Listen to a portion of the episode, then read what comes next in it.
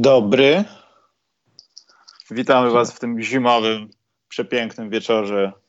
Najgorsi podcasterzy w Polsce. 15 dni Karol do wyjazdu do Paryża. Historia magicznego maila została rozwiązana, rozwikłana i wyjaśniona. Cześć Karol. Cześć Michał. Dobry wieczór Państwu. Co powiesz ciekawego? Masz zimę u siebie? No niestety nie. A co masz? Ach, cholera wie co to jest. Ale opady są? Nie ma opadów. Nie ma opadów? To, to jak to? Tam nie ma żadnych opadów? To co? Wiatr wieje? To niemożliwe, żeby w nie ma- Skandynawii nie było opadów. No wiatr wieje, ale wiatr to nie opady. Żadnych śnieżnych opadów, bałwana, nic? Bałwany są, ale nie śnieżne. Aha. No dobrze, my też dzisiaj o tym, bo chyba jednak powstanie ten przecudowny. Bo kapituła się zebrała na Złote Dzbany 2020. Mm. Nawet są dwie kandydatury. Ja mam nawet więcej kandydatur. Ale nie wiem, czy będziemy dzisiaj się wystrzeliwać, ale myślę, Karol, że możemy robić. Może dociągniemy do końca roku z tym przecudownym artystycznym wystąpieniem, w sensie podcastem i może przyznamy jakiś złoty dzban, taki kupimy jakiś taki złoty dzban, pomalujemy go z szprejem i wyślemy go. No myślę, że w tej kategorii to nie będziemy cierpieć na brak materiału. Nie wystrzelamy się, mówisz? Nie sądzę. Ech, Dobrze, Karol. Może zacznijmy od jakichś tam, jakichś tam newsików, bo znowu kolejne się podliczenie pojawiło na mecz gwiazd i znowu po raz kolejny Bradley Bill jest bardzo daleko, Karol. To ja wychodzę na dzbana teraz. Chyba to będzie Dlaczego? pierwsza kandydatura. No nie wiem, ja jestem, ja jestem jakoś zaskoczony, Karol, że, to, że nikt nie zwraca uwagi na Bradley'a Billa. Bo to jest dziewiąte miejsce wśród obrońców na wschodzie, Karol. Derrick Rose jest wyżej. Ja wiem, dlaczego jest wyżej, ale Zaklawin jest wyżej. Marcin Gortat, gdyby był obrońcą i grał w NBA, byłby wyżej. Słuchaj, no, y, ty sobie nie masz czego wyrzucać. To jest, to jest wina ludzi. Ludzie się nie znają generalnie. Ludzie, wiesz, wiesz jaki jest internet. Jeżeli, jeżeli Taco Fall dostaje 100 tysięcy głosów, a, a człowiek, któremu się to miejsce należy za, za wiele różnych aspektów jego gry, no to Ale Dlaczego to- tam powinien, Karol, to ustaliliśmy. To już nie, nie, nie poruszajmy tego tematu. Taco Fall to jest dobra inicjatywa. To jest, ona jest słuszna, ta inicjatywa, tylko że ty jesteś za surowy dla siebie. Ty zawsze, ty zawsze jesteś taki, że tu się nie, tu nie miałeś racji, tu się pomyliłeś, tu coś tam. To przede No wszystkim nie, to, jest, Karol, bo to podkopuje moją ekspert, ekspert, bycie ekspertem. to niczego nie podkopuje, bo a, to jest twój głos i, i twój głos jest twoim głosem. To nie jest nigdy próba przewidywania, co, co będzie, co internauci wymyślą, a, a dwa, to są internauci, to jest internet. Tam jest większość ludzi, którzy nie mają pojęcia o tym, co piszą i w co No, klikają. to ty teraz jesteś za surowy wobec tych ludzi. No ale mimo wszystko są te podliczenia, nie ma tam żadnych zaskakujących rzeczy. Jest praktycznie po staremu. No tam LeBron troszeczkę przybrał. Carmelo pewnie po tym swoim zwycięskim rzucie też będzie miał jeszcze więcej głosów i to podliczenie jeszcze bardziej go wywinduje. Także nie wiem, Karol, czy mamy tutaj o czym mówić, chyba że ty widzisz jakieś zaskoczenia. Nie, mnie, to, mnie te, te cząstkowe wyniki, ja nigdy, ja nigdy nie przywiązuję do nich wagi, bo, bo trzeba pamiętać, że głos, głos kibiców, on później się spłyci, to jest tylko połowa, połowa wszystkich głosów, bo później 25% dziennikarzy, 25% gracze. Ten mechanizm, który został uruchomiony przez Adama Silvera, żeby, żeby, no, żeby nie pozwolić na to, żeby internet spłatał figla jakiegoś i, i żeby właśnie tacy ludzie jak Taco Fall, z szacunkiem do tych ludzi, Zaza Paczulia i jacyś tam inni e, egzotyczni ludzie nie zagrali w meczu gwiazd, bo takie mamy czasy, że jakby internet chciał spłatać figla, to by to zrobił. A też trzeba pamiętać, że poza samym tym meczem gwiazd, samym tym wydarzeniem, które może i nie jest najważniejszym wydarzeniem na świecie, to zawodnicy w kontraktach mają zapisane, że jak wystąpią w meczu gwiazd, że jak, że jak dostąpią tego zaszczytu, no kiedyś zaszczytu, teraz to może nie do końca, bo to się okazuje, że to jest plebiscyt klikania, to mają uruchomione jakieś tam bonusy w kontraktach, to mają uruchomione różne, różne rzeczy, które otwierają im drogę do, do, do większych pieniędzy, lepszego kontraktu i że dla nich to jest poważna rzecz. No i też wiadomo, prestiż w karierze. No tak, no ta sprawa kontraktowa, no to w ostatnich latach stała się nader ważna. No. Bo to są, no Derrick Rose Rule trochę tam też wchodzi w to przecież, bo tam są wyszczególnione, jakie musisz tam drabinki swojej kariery spełnić, żeby mieć większe pieniążki. I w tym też jest tutaj uczestnictwo w meczu gwiazd. Ale zostając Karol w meczu gwiazd, bo ja muszę o tym porozmawiać, bo będziemy się przyglądać tym drużynom, które w 2020 jak na razie e, w ogóle co się dzieje w 2020 od 9 dni w NBA. Karol, ja już o tym napisałem. Dla mnie Dwight Howard jest żałosnym wyborem w konkursie wsadów. Przemyślałem to i publicznie powiem, że to jest żałosne. Ja, dla, dla, żałosne to może za duże słowo, tylko dla mnie pytanie jest... Pytanie nie, to jest, nie jest za duże słowo, Karol, bo w 2009 roku to już było żałosne, że ktoś starał się zrobić taki mały cyrk. A, damy dwumetrowego gościa i on sobie tutaj karzeł będzie tańczył. Pan Robinson no. sobie da parę wsadów. Wiesz, to miało być takie zrobienie taty wariata. No ja może za poważnie podchodzę do konkursu wsadów, ale ci ludzie po kraju JaVale McGee, ile koszy by tam nie przypieli, oni nie pasują do takich imprez. To nie Słuchaj. jest stary Larego Nansa, który ma sześciometrowe ręce i daje wsady. To, to nie, to już na tym chyba nie powinno polegać.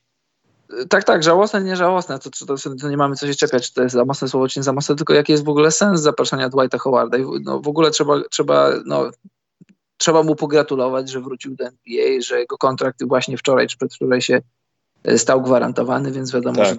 że, że zostanie do końca sezonu w Lakers. No wiesz, fajna, ciekawa, jedna z ciekawszych historii, bo wydawało się przed sezonem, że już jedną nogą jest poza NBA, a tu się okazuje, że, że potrafi być, jest w stanie być plusowym zawodnikiem, jest w stanie się uspokoić, przede wszystkim uspokoić się, nie, nie robić siebie pajaca, tylko że no, już odrywając to od wszystkiego, sam konkurs, Dwight, owszem, nadal potrafi jeszcze skoczyć, tylko że jak oglądamy konkurs, to chcemy oglądać konkurs, chcemy oglądać wsady najlepsze z najlepszych. Tym bardziej, że na boku jest dyscyplina, która rozwija się i żyje już swoim życiem, profesjonalne dankowanie, które trochę nam, trochę nam podnosi e, poprzeczkę oceniania i odbierania tych wsadów. No, wiesz, ja, ja na przykład no, widziałbym wielu, wielu innych dankerów z NBA, którzy mogliby z powodzeniem zastąpić Howarda. Zastanawiam się właśnie, zastanawiam się, czy, czym się kierowała liga zapraszając, zapraszając Howarda. Czy fakt, że, że odrodził swoją karierę, czy fakt, że gra w LA, to, czy fakt, że się o nim mówi, bo się o nim mówi dosyć dużo i może po raz pierwszy w jego karierze, no może nie pierwszy, ale po raz pierwszy od, od przynajmniej czterech czy pięciu lat mówi się o nim dobrze, pozytywnie. No, ale wydaje mi się, że wiesz co, że w takim momencie jak, no bo no nie ma co dużo się, bardzo się oszukiwać, no zbliżamy się do meczu gwiazd i powoli takie dyskusje będą wygrywały kontra y, kto gdzieś może odejść na przykład i będzie jakiś transfer. No to jest smutne, ale prawdziwe. Ale wydaje mi się, Karol, że to jest taki moment, że powinno się zastanowić, co z Winsem. Może Vince nie będzie w stanie dawać tych samych rzeczy co 19 lat temu, 20, przepraszam, w konkursie wsadów, ale Myślę, że to byłoby upieczenie kilku kur przy jednym ognisku i też dobra gratka dla fanów. No bo patrząc na Dwighta, nawet który jest, nie wiem, w szczytowym momencie swojej formy, dajmy na to w życiu, no to nie będzie tak atrakcyjny jak Vince, który zrobi kilka z 360. Tylko dla samego widowiska, ja Karol, jak powiedziałeś, to bez wiem. sensu jest, no bo dasz paru no tych tak. młodych chłopaków i finał raczej będzie bardziej sportowy niż sentymentalny. Wiem, że jest taki ruch, y, który chce, chce zobaczyć Vince'a Cartera w konkursie wsadów i w sumie może ja też bym chciał, no ale bądźmy szczerzy, no Vince nie pokaże tego, co pokazał 20 lat temu, w roku 2000 w Oakland.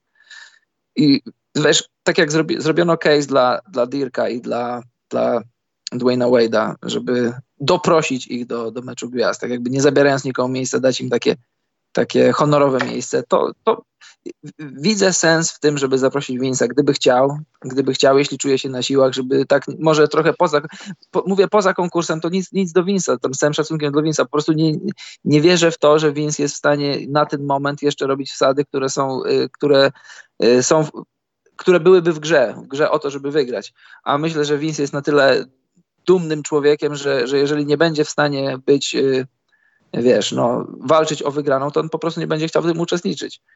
ale tak zaprosić go tak poza konkursem, żeby no, dokładnie 20 lat od, od wtedy, kiedy wykonał te, w ogóle ten konkurs, który był, prawda, wtedy był najlepszy przez 20 lat. No teraz możesz się zapytać, czy ten 2.16 przypadkiem nie był lepszy, ale to jest, to, to jest osobna dyskusja, ale żeby tak go na boku trochę doprosić, zaprosić, żeby wykonał wsad czy dwa, no czemu nie? Byłbym za tym, ale żeby do konkursu, konkretnie do konkursu, no to, to raczej tego nie widzę. Ale Derrick Rose w Skills Challenge nie, o, jak najbardziej. Spra nie tak, sprawia tak, problemu. W ogóle jest taki ruch sentymentalny w NBA teraz. Nie wiem, czy zwróciłeś uwagę. Takie, tak, wiesz, tak, tak, Ja wiem, że to nie wyciąga się za uszy po prostu inwalidów, tylko faktycznie Derrick Rose i Howard to są, no... Pamiętasz tą dyskusję, co było ważniejsze, asysta czy zbiórka, jeśli chodzi o to, kto będzie najbardziej wartościowym zawodnikiem? O, tak, teraz jest dyskusja, kto jest najbardziej żywym zawodnikiem z tej dwójki. Plus gdzieś tam jeszcze dochodzi Melo, bo Melo to mnie szokuje, Karol. Tak, no, za każdym razem, jak, jak zobacz, wchodziliśmy z 1999 na 2000, później 2010, teraz 20, to y, chcąc, nie chcąc, nie unikniesz tych takich, takich porównań, rozmów. W ogóle do działu, co nas wpienia, nie wiem, czy mogę teraz powiedzieć. Nie, zaraz zaczekaj, będzie czas dobrze, na to za moment. Dobrze, to przypomnij mi, żebym nie zapomniał o, o tym, co jest dekadą, a co nie jest dekadą, kiedy dekada się zatnie, bo słuchaj, nie powiem teraz, bo zapomnę. Zobacz, y, Wiadomo, Amerykanie trochę inaczej to liczą, ale są dwa sposoby liczenia, co jest dekadą i co nie jest. Zamiast cieszyć się, że Vince Carter gra tyle sezonów w NBA, to to szczególnie w polskiej stronie NBA-owskiego internetu ludzie mówią, że nie, że to nie są cztery dekady, że to się inaczej liczy. Człowieku, to jest w ogóle jałowa dyskusja. Są dwie metody liczenia tego, co jest dekadą, a co nie jest dekadą. Owszem, u nas, u nas w naszej kulturze przyjęło się, że trochę inaczej się to liczy, ale szkoda gadać, wiesz, wydaje mi się, że, że, wydaje mi się, że szkoda gadać. Chciałem tylko napocząć temat, ale, ale, nie zagłębiać się, bo no nie, naprawdę, szkoda czasu na to. Właśnie zdałem sobie z czegoś sprawę, Karol, i trochę mnie przytkało. Że? Że taką samą, po pierwsze przytkało mnie dlatego, bo niektórzy ludzie mogli się, którzy nas słuchają, urodzić wtedy, dlatego mnie przytkało, ale przecież Karol, taka sama była dyskusja podczas zmiany stulecia. Tak, co tak, jest tak, tak. początkiem stulecia. Jednocześnie za tym szła dyskusja, co z bombą milenijną. Czy twój Windows XP wybuchnie razem z twoim głównowartym komputerem, który teraz zapewne jest kilka razy włożony w malutki twój telefon z Chin. Więc czy to ważne? Ale zauważyłem, że tak. No, te, te ludzie nie policzą, ale już koniec to koniec jest. W sensie matematycznego wywodu nie ma do tego zbyt dużego, że to po prostu nie jest koniec dekady. No. Dobrze, skoro wywołałeś, no, no Karol. Nie jest, bo są, są dwie metody liczenia. Dla mnie nie ma problemu, zobacz, jeżeli coś tak, y, tak optycznie masz, bo, bo mamy, cokolwiek by się nie zaczęło, czy początek świata, czy, po, czy początek czegokolwiek, to masz... No, od, no cokolwiek od, by się nie zaczęło, początek świata, nie zaczęło, to obserwujemy na co dzień, Karol. No, to jest od, od, od, od zera do jeden, do pierwszego roku. Masz rok zerowy, czyli, czyli zakończony rok zerowy, a rozpoczęty rok, y, rok drugi, to, to, to wtedy wchodzi jedynka i wtedy rok, jeden rok już, już jest za tobą. Więc jeżeli tak licząc masz rok zerowy, bo wiadomo, że był rok zerowy, tak jakby się zaczął świat, czy cokolwiek by się nie zaczęło, od zera, od pierwszego dnia do całego roku, to masz już jeden rok za sobą. Więc jeżeli kończy się, wchodzi dziewiątka, kończy się dziewiątka, wchodzi dziesiątka, wtedy zamykamy dziesięciolecie. No tak czy nie, mija dziesięć lat. Jakbyś nie liczył, jakbyś na to nie spojrzał, to jest dziesięć lat. Więc po co, po co w ogóle tracić czas na te dyskusje, skoro są dwie metody liczenia? Wiadomo, że, wiadomo, że w różnych e, miejscach świata, że tak powiem, różnie się to liczy. U nas może akurat trochę inaczej, ale po co w ogóle wchodzić w ten temat? A w Tybecie liczą inaczej i tam pewnie rok jest 3000 któryś i... albo w Nepalu. A? Albo, albo w Nepalu. No. I oni się nie kłócą. Poza tym, czy to ważne? Niech będzie. Jak porównują Karol w ten sposób, trudno. Nie wszyscy muszą znać matematykę. Natomiast jeśli chodzi o mecz gwiazd, to pomówimy o tym, bo tam jeszcze kilka ciekawych takich rzeczy, które są warte odnotowania. No, ja będę pił przede wszystkim do Miami. Pogadamy o tym, co się wydarzyło w tym roku, w tym roku, od dziewięciu dni w tym roku. Natomiast co nas wpienia Karol wywołał, to jest twoje, Karol, co nas wpienia, tak? O, częściowo, powiedzmy. A ja mam znowu ekologiczne, co nas wpienia, Karol. Mm. Że karny kutas należy się całemu światu za to, co się wydarzyło w Australii, Karol, bo prześledziłem temat. Karny kutas należy się przede wszystkim tym ludziom, którzy gasili papieroski tam, kiedy była susza, albo robili inne głupie rzeczy, jak wyrzucanie butelki, która wiadomo, że zachowa się pod wpływem słońca. Jak co, Karol? Jak lupa. Bardzo ładnie. Nie, nie pokazuj za wcześnie tego swojemu dziecku, bo skutki mogą być opłakane, ale to jest wyborna sztuczka, zwłaszcza kiedy masz trochę waty jeszcze, Karol. To... Bawiłeś się lupą, jak byłeś mały? Uuu, czy ja, Ja się też. bawiłem lupą? Ja na drugie miałem lupa. Mi już lupę zabierał prokurator, jak miałem 5 lat. Tak bardzo byłem zapoznany z tym tematem. Ale tak poważnie, Karol, naprawdę to już nawet nie chodzi o tę całą naszą dyskusję na temat Grety i tak dalej, że na przykład są psy pasterskie, które dla klimatu więcej zrobiły niż Greta, bo uratowały owce w Australii. Yy, Wydaje mi się, że całemu światu należy się karny kutas, bo Karol, ja przez ten czas, kiedy to się u nich jarało, nie, nie, nie zdawałem sobie sprawy z tego, że nawet ich lokalne władze olały że pan premier czy tam prezydent Australii pojechał sobie na wycieczkę dookoła świata czy coś. A tam się jarało, dosłownie jarało się wszystko. Samo z siebie Australia jest ciepła, do tego jeszcze temperatura od tego, że się wszystko jarało. Co było zielone i żywe. I nie widziałem żadnych Karol akcji w grudniu, w listopadzie. Wyślijmy naszych strażaków, tak jak są trzęsienia ziemi, gdzieś jakieś wydarzenia na świecie. Wyślijmy naszych strażaków, pomóżmy. No nie wiem. To jest dla mnie nawet karny kutas. To nie jest co nas wpienia. To jest karny kutas, Karol. Tyle. Chyba, że masz jeszcze jakieś małe co nas wpienia. Odnośnie pożarów w Australii? Czegokolwiek możesz sobie. Tylko żeby to Nie. nie wchodziło w złote dzbany. Już nie, już nie.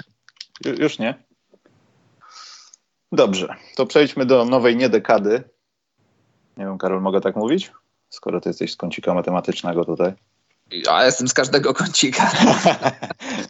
No dobrze. Słuchaj, dla mnie nie ma problemu. Jak ktoś powie, że jesteśmy w nowej dekadzie, to fajnie. Jak ktoś powie, że nie jesteśmy, to, to jeszcze lepiej.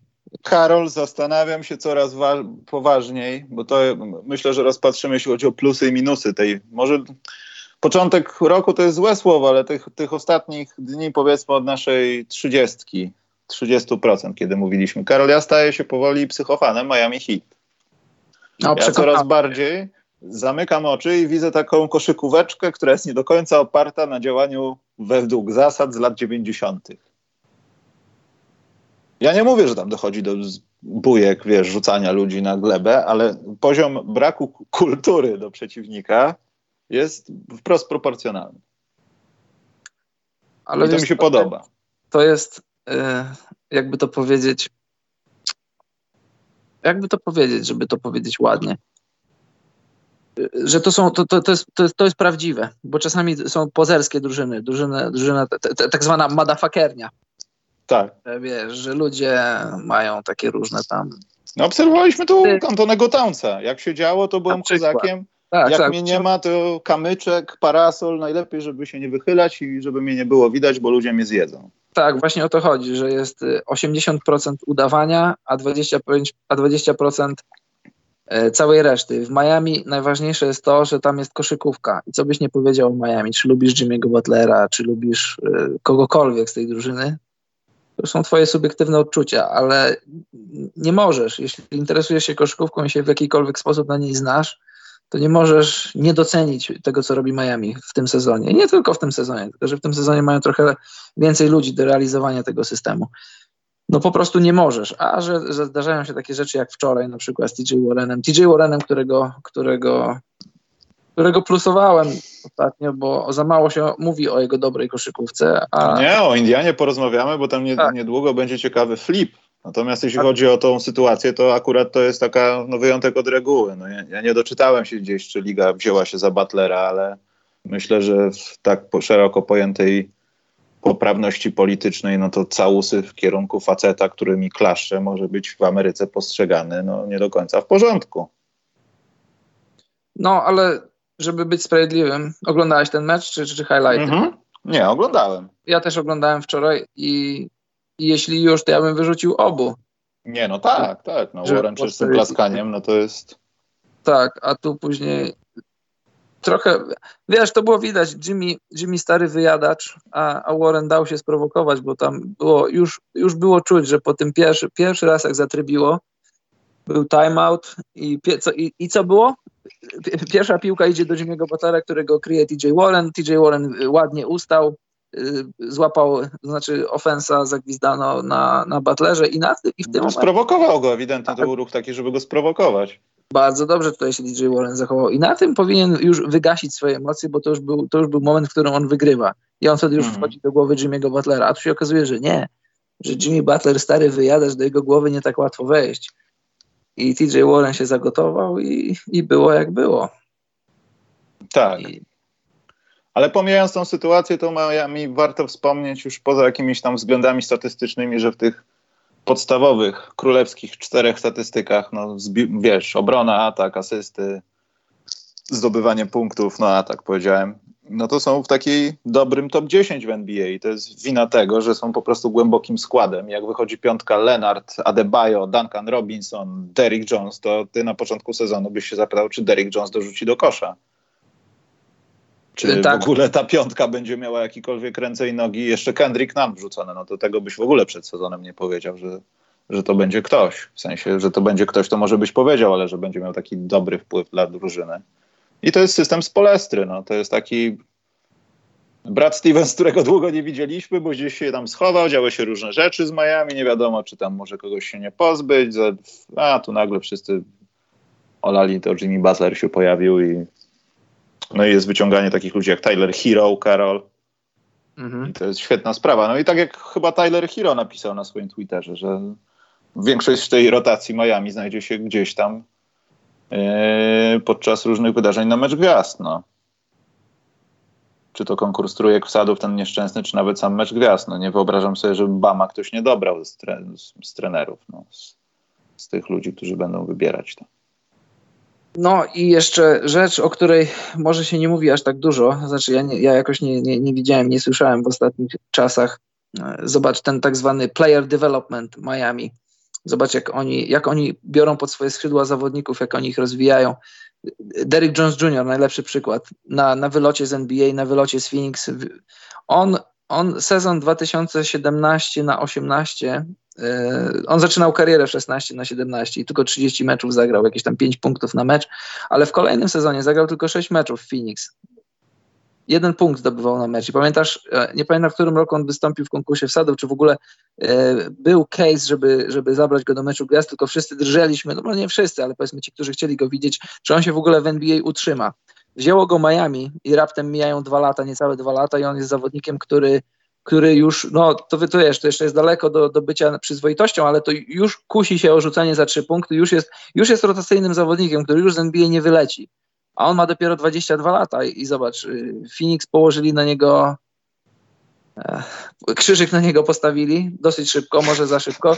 Wzięło go Miami i, i, i już, już masz zawodnika rotacyjnego w wieku 22 lat. To, to, to, to nie jest jeszcze, to znaczy nie jest, no dla, dla Phoenix to był śmieć za przeproszeniem. Dla Miami to nie był śmieć. Wzięli gościa, który jest fizycznie wybrykiem natury, ale ze skoczka robią z niego koszykarza. On już jest koszykarzem. I to, to jest rzecz, którą, na którą trzeba zwrócić uwagę. Poza Spelestrą, spo, poza tym, że to jest Floryda, poza tym, że tam jest zawsze, zawsze się dzieje, zawsze jest słońce i jest fajnie, to jest, to jest, to jest organizacja przez duże O. I ja na miejscu wielu, wielu różnych klubów bym się bał, bo w te wakacje to może nie, ale w następne wakacje, jak, jak e, Janis usiądzie do rozmów i jak nie daj Boże dla Milwaukee znajdzie się w jednym pokoju z Patem, a Pat skorzysta z tych swoich socjotechnik i na, na, nakręci go ta, na to, żeby, żeby chciał grać w Miami. Patrz w wahadełko, patrz w wahadełko. Tak, patrz w wahadełko, wiesz, może włożyć głowę do wiadra z wodą i przez minutę będziesz tylko patrzył, czy on jeszcze żyje, potem wyjmie i powie, tak jak ja bardzo pragnąłem powietrza, tak ty będziesz pragnął zdobywać tytułów razem z nami. Boże święty. No, ale to jest tak możliwe. Podobno że... tak było. Ale wiesz co, czy, czy brylantynowy pad y, nie wpadł na ten orzewczy pomysł, że może nie do końca będę sugerował się wolną agenturą, tylko postaram się powyciągać tych ludzi, za których ktoś by nie dał funta kłaków? Wiesz, no był ten okres, kiedy Hassan Whiteside miał być tym kimś, kim Bama Debajo się nigdy nie stanie trwał krótko ten moment, a dla ludzi, którzy go obserwowali w NCAA, mówię tu o Adebayo, prawdopodobnie go nigdy nie było. Ale to są też takie decyzje, które nam, no, filozofom się nie śniły, Karol. No, za Whiteside'a życie bym oddał jeszcze kiedyś, a teraz to bym jeszcze raz i jeszcze raz i jeszcze raz dokonywał tej wymiany do końca świata. Miami miało taki, taki okres takiego, takiego troszkę szaleństwa, takiego bym powiedział przez powiedzmy dwa, może trzy lata. To taki syndrom, taki jak, e, jak rozstaniesz się z dziewczyną i przez, przez jakiś czas nie myślisz racjonalnie i tak, tak bardzo szybko chcesz pokazać, że nie, że, to, że, że, że spłynęło to po tobie, że zobacz, ty możesz mieć pierwszą, lepszą, tam nie, nie I dziarasz się na twarzy, wiesz. Jaką tam chcesz i wtedy wiesz, tak, i wtedy podpisujesz sobie Lua Denga, podpisujesz sobie Jamesa Johnsona, podpisujesz sobie Kelly'ego Olinika, Diona Waitersa i tu nic do tych zawodników, tylko że zazwyczaj jest tak, że jak drużyny podpisują graczy, tam powiedzmy czterech, pięciu, to powiedzmy jeden kontrakt się nie uda, bo zawodnik nie wejdzie ze swoim primem, nie będzie chciał mu się trenować, jak już dostanie pieniądze. Dla Miami problem był taki, że i James Johnson nie był tym, kim był, zanim podpisał kontrakt. O Dionie Waitersie to już nie mówmy, bo każdy wie o co chodzi. Kelly Olinik jest zawodnikiem średnim, a wiesz, na, na, te standardy, na ten moment 12 milionów, to powiedzmy to są pieniądze takie, no, takie no, średniawe ale Miami sobie uwiązało ręce takimi, takimi kontraktami średnimi, że mieli zawodników takich powiedzmy, które mogą być twoimi czwartymi opcjami, ale nie mieli zawodników, którzy mogą być twoimi drugimi, już nie mówiąc o, o, o pierwszych. No ale to, że, to, że Jimmy'ego Butlera ściągnęli, to, to jest to też osobna historia. Ale Miami powoli z tego już wychodzi. Miami już teraz, już, już, już Miami znów się e, ogarnęło, zmieniło fryzurę i już teraz znowu idzie na miasto, idą na, na imprezy, już teraz mogą szukać dziewczyny, czy tam chłopaka, w zależności jak, jak sobie tą alegorię opowiesz. I oni już wtedy, oni już znają swoją wartość, oni już wiedzą, oni już wiedzą na czym stoją. I myślę, że ta historia też ich dużo nauczyła. Na przykład y, historia z Dwaynem Wade'em. Gdyby, gdyby jeszcze raz można było tam usiąść, Pat razem z Dwaynem, to, to jestem na milion procent pewien, że, że oni nie wyszliby, może nie tyle pokłóceni, co niedogadani bo tam, tam, poszło, tam poszło o szczegóły, a jak dodasz do, do tego, że nie masz podatku stanowego na Florydzie, a, a w Illinois, w Chicago masz, to te pieniądze, które ostatecznie Dwayne dostał od Bullsów, to, to te, które Miami mu proponowało, to nawet to samo, a może nawet więcej, tylko tam po prostu urażona, urażona duma. Wiesz co, wyda, wydaje mi się, że tam było tak nie odejdziesz. Nie odejdę? No zobaczysz, że nie odejdziesz. No to zobacz, że odejdę. I, i Dwayne Wade jako, jako urażony mistrz odszedł, żeby tylko utrzeć nosa Patowi, a ostatecznie się okazało, że obaj na tym stracili. Tak myślę. Ja, wiesz co, ja tak mi mam przemyślenia, czy może Spolestra nie szukał właściwego momentu, żeby osiągnąć ten swój złoty środek, bo patrząc na to, co się teraz dzieje w Miami, to no nie chcę powiedzieć, że tak ktoś sobie to wymarzył i w końcu zostało zbudowane w 100%, bo pewnie tam czegoś brakuje, żeby, nie wiem, mocniej przybić tą pieczątkę kontender, przynajmniej na wschodzie. Chociaż teraz ja jestem w autobusie, pędzę z nimi razem, także mistrz na pewno będzie w tym roku. Przynajmniej przez miesiąc będę w tym autobusie jakiś. E, to może to jest właśnie ten czas, to czego szukali Miami, tak jak mówisz, ten okres takiego no, bycia nietrzeźwym z różnych przyczyn służył temu, że po prostu sprawdzaliśmy możliwości. Bo nie wiem, czy Pat Rayleigh jest aż tak bardzo fanem wolnej agentury i budowania drużyn od tego, żeby kupić dwóch mocnych, mocnych zawodników, maksymalne kontrakty. Ja myślę, że on ma alergię na takie rzeczy. Nawet jeśli nie sprawdzono na własnych błędach, to po prostu tego nie lubi, nie akceptuje, nie chce w to się mieszać w żaden sposób, bo widzi, że to czasami przynosi więcej złych rzeczy niż dobrych w większym rozrachunku czasu, no bo wiadomo, no półtora sezonu będzie świetnie, a potem i wóz transmisyjny wraca do Brooklynu, Karol na przykład. Także wydaje mi się, że to było celowe takie, wiesz, działanie zbudowania czegoś, co już w głowie było od kilku lat, dlatego też może z Polestra nie był na gorącym talerzu z jego głową do podania. O wiesz, ciężko też powiedzieć, bo wiadomo, zobacz, jak, jak odszedł, mm, odszedł LeBron, co co nie było do końca spodziewane. Pamiętasz, pamiętasz y, Relay powiedział taki, takie miało wystąpienie słynne, e, i moim zdaniem bardzo ciekawe i bardzo takie no, powinno działać. No, pewnie wiesz, no, LeBron też y, nie wiem, czy się z tym zgadza, ale pewnie to słyszał i pewnie w jakiś sposób na niego podziałał, ale że mentalnie już był w Cleveland, no to był w Cleveland, nic na to nie poradzisz. Ale pamiętasz, to bardzo ciekawe, bardzo mądre wystąpienie takie, że że nie jest łatwo zdobywać tytuły i nie będziesz wygrywał za każdym razem, ale, ale sztuką jest umieć się przegrupować i jeszcze raz kolejnego sezonu przyjść i spróbować zdobyć tytuł. To, to nawiązując do tego, że przegrali finały z, z San Antonio. Też taki moment dla, dla Miami, że zobacz, podpisali Boscha, Bosch się okazało, że nie jest zdrowy. ja myślę, że ta historia, myślę, jestem przekonany, że ta historia mogła wyglądać dużo inaczej, gdyby, gdyby Bosch nie miał problemów ze zdrowiem, bo mógłby spokojnie, doświadczony graniem w finałach, zdobywaniem tytułów, mógłby spokojnie, on jeszcze miał dobre lata, nie on miał tam 30 lat, trzeba było teraz sprawdzić, nie pamiętam dokładnie, nie chcę strzelać liczbami, ale to, to był jeszcze, jeszcze powoli wychodzący ze swojego primu, ale mógłby spokojnie grać na 20-10 albo jakieś tam 25-12, jak w Toronto grał, mógł jeszcze spokojnie w Miami grać. No kto mógł wiedzieć, że że poważna, no, poważne problemy ze zdrowiem zmuszą go do skończenia kariery. I to był taki trochę, wiesz, taki trochę domek z piasku, taka trochę budowla z kart. To się rozsypało w Miami. Miami musiało się szybko przegrupować. No i jakby tak spojrzeć na historię budowania klubów, to aż, aż tak dużo lat im to nie zajęło, to przegrupowywanie się. I ja, no, jeśli byłbym zawodnikiem w NBA, który szukałby możliwości zdobycia tytułu za rok, za dwa, to Miami miałbym bardzo, poza klubem być może, w którym chciałbym zostać, to Miami musiałbym mieć wysoko, bardzo wysoko na swojej liście. Dobrze, ale nie będziemy cały czas o Miami, bo są inne ciekawsze drużyny do pśmianka. Oj, mam dzisiaj, Karol, jest taki segment Lakers, że będą pytania, Karol. Dużo pytań będzie co do Lakers. Pierwsze pytanie do Karol czy uważasz, że to jest prawda z tym, że Antony Davis dostał ten kontrakt rano, powiedział, że on nie, poczeka do wakacji? Czy to jest kolejny nagłówek ESPN, w którym trzeba zawrzeć słowo Los Angeles Lakers i gdzieś jakiegoś zawodnika topowego? Bo zauważyłem, że też tak jest trochę ostatnio. Jak im się okay. wiedzie, to wszystko jest Lakers. Wszystko. To jest nagłówek dla głupich ludzi, bardzo przepraszam, żeby klikali i żeby kolejny raz, kolejny raz się spolaryzowali i żeby sobie, no generalnie, żeby sobie poklikali w internecie i żeby ponabijali ESPN-om i innym stronom, e, wiesz, no, po prostu klików. To, to, była, to była sprawa czysto proceduralna i tutaj nie trzeba być ani wielkim agentem zawodnika, ani wielkim zawodnikiem, ani Pitagorasem, żeby umieć sobie dwa dodać dwa dodać e, i, i i mieć określony wynik. No, teraz mógł, się Anthony Davis związać kontraktem, który dałby mu tam 140 ileś milionów dolarów, a za dosłownie 6-7 miesięcy może dostać kontrakt, który będzie grubszy o 60 milionów. No to jest.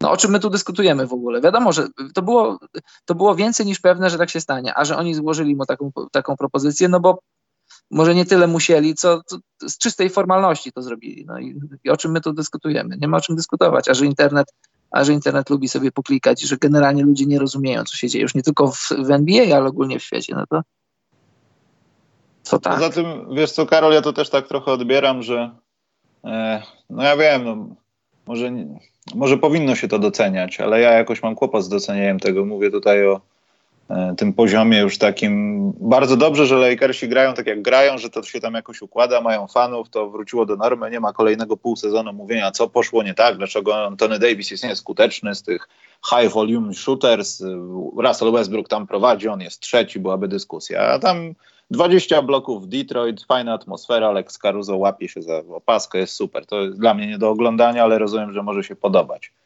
Tylko Karol się tak zastanawiam, co to przyniesie Lakersom samym w sobie. Bo zauważyłem, że może to nie do końca jest taki trend, ale jak zaczynasz być taki bardziej spięty na grze, a nie spięty na popisywaniu się, to po prostu wychodzić to lepiej w playoffach, nieważne jakich masz zawodników. I te takie, wiesz, wygłupianka, takie, wiesz, to jest badanie chemii, to jest sprawianie, że zawodnicy lepiej się czują w drużynie po prostu. Ale obawiam się, że to może przynieść taki też no, zupełnie inny wydźwięk, no, że te 20 bloków przeciwko Detroit, rekord, że my możemy wystawiać trzech wysokich ludzi tak naprawdę i nie przejdziesz przez tą ścianę, jak nie masz przynajmniej kogoś, kto potrafi, nie wiem, poświęcić swoje ciało i w połowie tych akcji da 2 plus 1, bo wejdzie pod ten kosz po dwóch podaniach.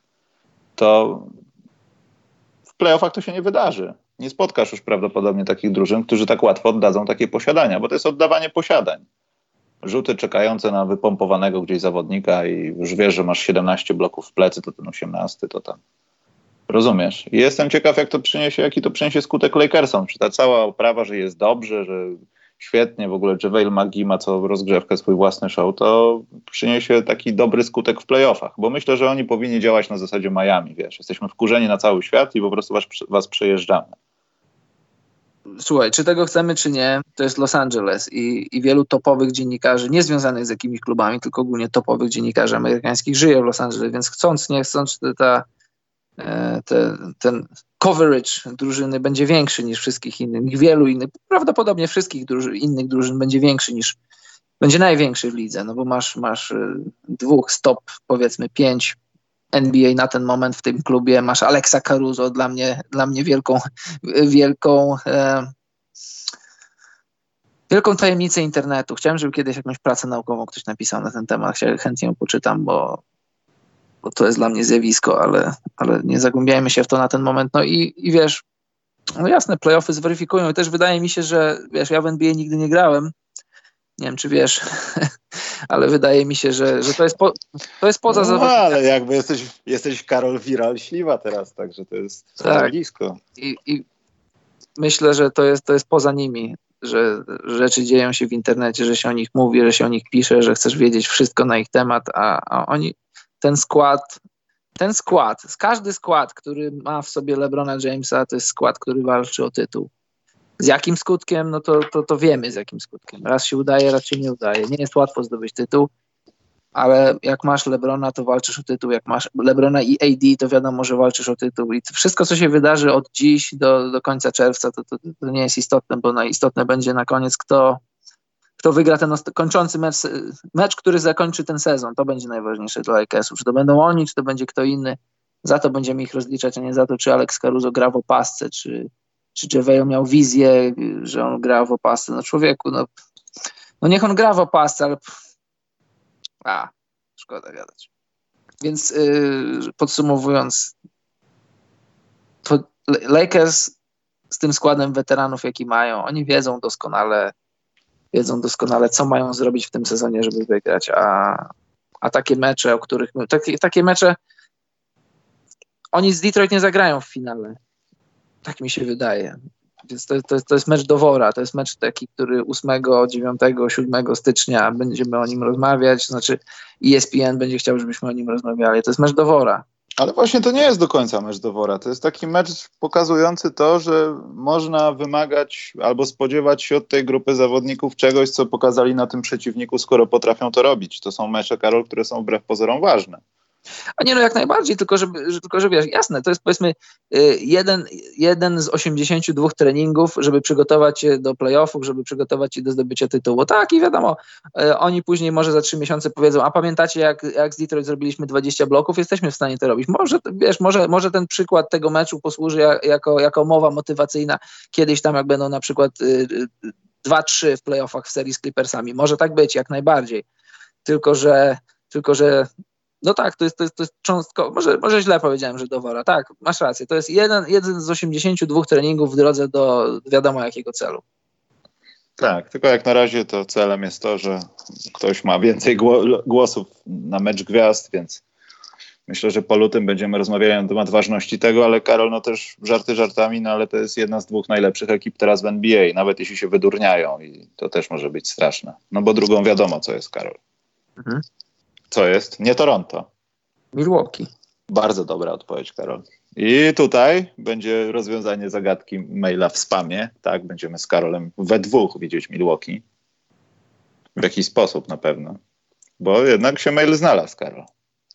To dobrze. Taką kartkę sobie nawet zrobiłem, żeby nie kasować więcej. Tak przylepię sobie zawsze tutaj i będę pamiętał. Bo jak coś ważnego stracę naprawdę. Yy, no ale tak na dzień dzisiejszy, Karol, na wschodzie, oprócz Milwaukee i tego Miami, które wspomnieliśmy, gdybyś musiał wymienić trzecią ekipę, bez żadnego ale, to kto by był trzecią ekipą na wschodzie, Karol, teraz? Do wygrania wschodu? Tak. To ja nie tylko trzecią, ja mam czwartą, trzecią i czwartą. No dlatego ja pytam, żeby tej czwartej nie było, ale trzecią. Trzecią. Że resztę zakopujesz. No albo Boston, albo Filadelfia, bo Filadelfia tak sobie trochę tak sobie trochę bimba w tym sezonie. Filadelfia to w ogóle jakby, z, ja wiem, że w tym roku w 9 dni zagrała ile? Dwa spotkania? Jedno hmm. wygrali, jedno przegrali bodajże, tak mi się wydaje. E, no znikła trochę, przynajmniej w tych ostatnich dwóch tygodniach. Filadelfii jakby nie było w NBA. Zresztą jest kilka w ogóle takich zespołów, których nie ma w NBA. Nie, wiesz, no nie, nie, nie wygrają te mecze, ale ich nie ma. I Właśnie też mi się wydaje, że trochę Boston, bo tak piłem do tego Bostonu, bo wiesz co, zauważyłem, że Boston w przeciwieństwie na przykład do Lakers. Znaczy wiadomo, no nie można sobie założyć tego, że ktoś będzie kontuzjowany, ale oni przez jakiś taki dziwny przypadek, nie przypadek, tymi swoimi kłopotami ze zdrowiem, tym, że Kemba gdzieś tam podupadnie i tak dalej, e, przygotowują się do tego ewentualnie, co by było znowu będę pił do playoffów w styczniu, ale co by było później, gdybyśmy byli ograniczeni składowo i jak nie, nie, zamknąć naszego systemu na to, że ktoś wypadnie z tej rotacji i po prostu nie będzie grał, a my musimy grać po prostu dalej w kosza i wygrywać. Mamy best of seven i musimy przejść dalej. I chyba dlatego Boston wygrywa w tym moim takim top 3 do tych, co będą się gdzieś tam w wakacje bili o mistrzostwo, przynajmniej o konferencję wschodnią. Jak najbardziej Boston trzeba mieć, tylko że jak tak patrzę już tak końcowo, kto wychodzi ze wschodu i dlaczego, to w meczapie Philadelphia z Bostonem, e, chyba miałbym Philadelphia. Oni nie mają, oni nie mają nikogo na Embida i tu, tu by się, tutaj by się wszystko zaczynało. Ale czy musisz mieć, Karol, kogoś na Embida? E, myślę, że bo póki co, myślę, bo póki myślę, co. Że playoffach, wiesz, no właśnie, właśnie tak, póki co, to mamy takie, takie, takie to, to jest taki okres, w którym oni zobacz, wiele się mówi o load managementie Kawaja, ale mało się mówi o tym, że Embiid też nie jest tytanem zdrowia i jego minuty, i jego, jego jakby, jak powiedzieć po polsku load management, e, no nieważne jakby to powiedzieć, e, jego, jego zdrowie też jest monitorowane na ten moment, a w playoffach, kiedy wszyscy będziemy mieli po tyle samo, wiesz, dni odpoczynku, będziemy grali, no mówię nie my, tylko Philadelphia kontra swój rywal, to będzie trochę łatwiej to zarządzać tym wszystkim i, i po to Embiid jest chowany, po to Kawhi jest chowany, żeby, żeby w playoffach to pokazać. I, i, I teraz to wiesz, teraz przyjdzie taki mecz gdzieś tam w Atlancie, czy gdzieś tam indziej, że Embiid może sobie w tym meczu nie zagrać, czy może sobie w tym meczu zagrać jakieś małe minuty, ale jak przyjdzie do playoffów, to będzie, ja tak myślę, może się zdziwię, może się rozczaruję, że to będzie inna Filadelfia, to będzie Filadelfia, która przede wszystkim w obronie jak będzie mniej posiadań, tempo będzie wolniejsze. Te wszystkie Horfordy, Simonsy, ci goście, co mają, wiesz, siedem stóp, jak rozłożą ręce, mają wielkie ramiona, to będzie coś dla Filadelfii, że zdobyć punkty na Filadelfii będzie ciężko. I mm. później wrzucasz zdrowego Embida. No, Janis, wiesz, no nie można wyciągać po jednym meczu czy po dwóch, ale Janis miał kłopoty w tym Christmasowym meczu z Embidem i jak spojrzysz na, na Miami, czy spojrzysz na Boston, czy na Toronto, chociaż Toronto to nie, zdrowe Toronto to Gasol, stary Gasol niszczy Embida, ale, ale no... no raz mu nie, wyszło, nie gloryfikujmy przemocy, Karol. No nie raz, bo, bo w tamtych playoffach też. Cicho, cicho. No, ale tak poza tym, no to ja nie, nie będę, nie mogę, no nie skreślam Filadelfii. Dla mnie Filadelfia jest siłą na wschodzie, a że tak, a że te przechodzą przez ten sezon, jak przechodzą, no to historia ostatnich, powiedzmy, ostatnie zdanie, historia tam powiedzmy ostatnich 20 czy 25 lat pokazuje, że są takie trochę śpiące drużyny, które uruchamiają się w playoffach. Tak, Karol, patrzę teraz na tabelę. Poczekaj, ja zerknę na czat w ogóle, co się dzieje. A w międzyczasie powiem, że Filadelfia mogła z tymi takimi, wiesz, jakieś takie mecze, które zgubili, ale albo które zgubili, nie wiem, w jakimś przeciągu czasu okazało się, że gdybyśmy w tym miesiącu albo w tym tygodniu wygrali to jedno wyjazdowe spotkanie, to na koniec dnia byśmy byli wyżej w tabeli na przykład. I takich tak. tygodni, dni, czy back-to-backów, czy tych takich częściej rozłożonych spotkań w tygodniu, wiesz, mówię o takich zgrupowaniach, które powinno się wygrać więcej niż połowę na przykład, Filadelfia w nich traciła, przynajmniej pod koniec roku. I to może spowodować teraz, jeśli Filadelfia no, nie wkręci się w obroty takie, jakie widzieliśmy wcześniej, że będzie więcej po prostu tej po prostu charakteru do gry, bo tu nie chodzi chyba o względy sportowe, czy ofensywę, defensywę. No defensywę tak, no może, ale to też wychodzi z tego, kto jest na boisku. To Filadelfia może spaść do grona tych drużyn, które nie chcę powiedzieć, że są sensacją, ale grają ponad stan, wiesz, Indiana, Orlando teraz tam trochę wychodzące z dołka. Jeśli no oni tam spadą, spadną, no to ich szanse na to, żeby przejść pierwszą rundę i ewentualnie trafienie na wściekłych hit mogą, mogą być słabe. A teraz będą te najważniejsze mecze, ten okres meczu gwiazd, kiedy te drużyny będą słabsze, u nich poniżej 50% to będą mecze, które będą must win, żeby tam za dwa miesiące to przyniosło odpowiedni skutek. Nie trzeba byłoby się męczyć z jakimiś tuzami, wygrywać bardzo ważne mecze, które no, po prostu trzeba wygrać. No tak, plus te wszechobecne narracje. Mówimy, mówimy, że Philadelphia gra w kratkę, jest poniżej swoich możliwości, a Boston jest na fali. Podczas gdy, podczas gdy Boston, który jest na fali, Philadelphia, która jest w kryzysie, takim mini kryzysie, jest, to jest raptem 2,5 meczu różnicy. No jak spojrzysz na te ostatnie mecze Philadelphia, to jest tak, e, jednym punktem z Orlando przegrali, jednym punktem przegrali z Miami e, i co tam jeszcze mają? No, są takie mecze, które, wiesz, posiadanie, jedno posiadanie w jedną stronę, jedno posiadanie w drugą stronę i, i odwracasz całą tabelę, bo, bo też grali w odstępie dosyć krótkim czasu z Miami przegrali jednym punktem, ale wcześniej z Miami przegrali też czterema punktami. No to wiesz, to jest kwestia w jednym meczu jednego posiadania, w drugim dwóch. Jak wygrywasz powiedzmy te cztery mecze, to jesteś nagle no, kreatywna matematyka, jesteś nagle z powrotem na drugim miejscu, to wiesz, to się teraz tak mówi, że Filadelfia jest w jakimś tam kryzysie, czy nie gra swojego, bo częściowo to jest prawda, no nie gra na, na miarę swojego potencjału, ale jeszcze raz, jak przyjdą do playoffów, to ja bym na przykład, no gdybym był top 4, a grałbym z Filadelfią, która jest poniżej top 4, ja bym nie chciał się z Filadelfią spotkać.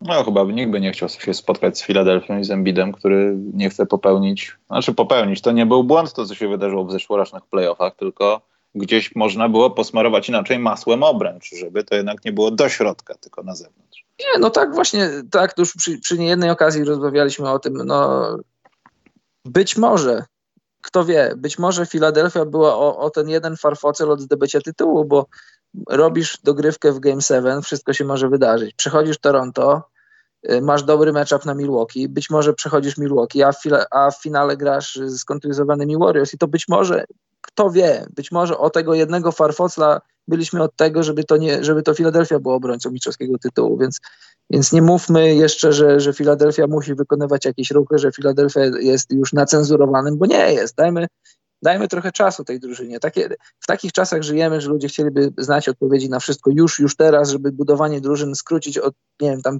od pięciu lat do skrócić do roku. No, e, żeby upiec chleb, to też trochę trzeba czasu, żeby ciasto urosło. Teamy po prostu wszystkie śpieszą się, żeby zdobyć cokolwiek według starych rozgrywek, bo potem nowych nikt nie zrozumie i nie będzie wiadomo, co, czego się spodziewać, Karol. Ja myślę, że zaczyna być powoli no, taki trend. Może będzie tak jak na jakichś tam różnych mistrzostwach, tam, czy tam świata, czy czegoś w siatkówce. Y, co, co gospodarz, to inne zasady i się później okazuje, że każdemu się opyla przegrywać i później są takie mecze, no że gra tam jakieś tam Włochy z Serbią i każdy chce przegrać. Kto wie, może i w NBA też nas, też nas to czeka. I to w konsekwencji też idzie z zasad, ze zmianami zasadu pewnie, bo jeśli ten turniej i to wszystko wejdzie w grę, to też będą dolne końce układu pokarmowego, czyli draft. No, jak najbardziej. Ja, jeśli, jeśli coś reformować, to ja bym przede wszystkim chciał zreformować draft.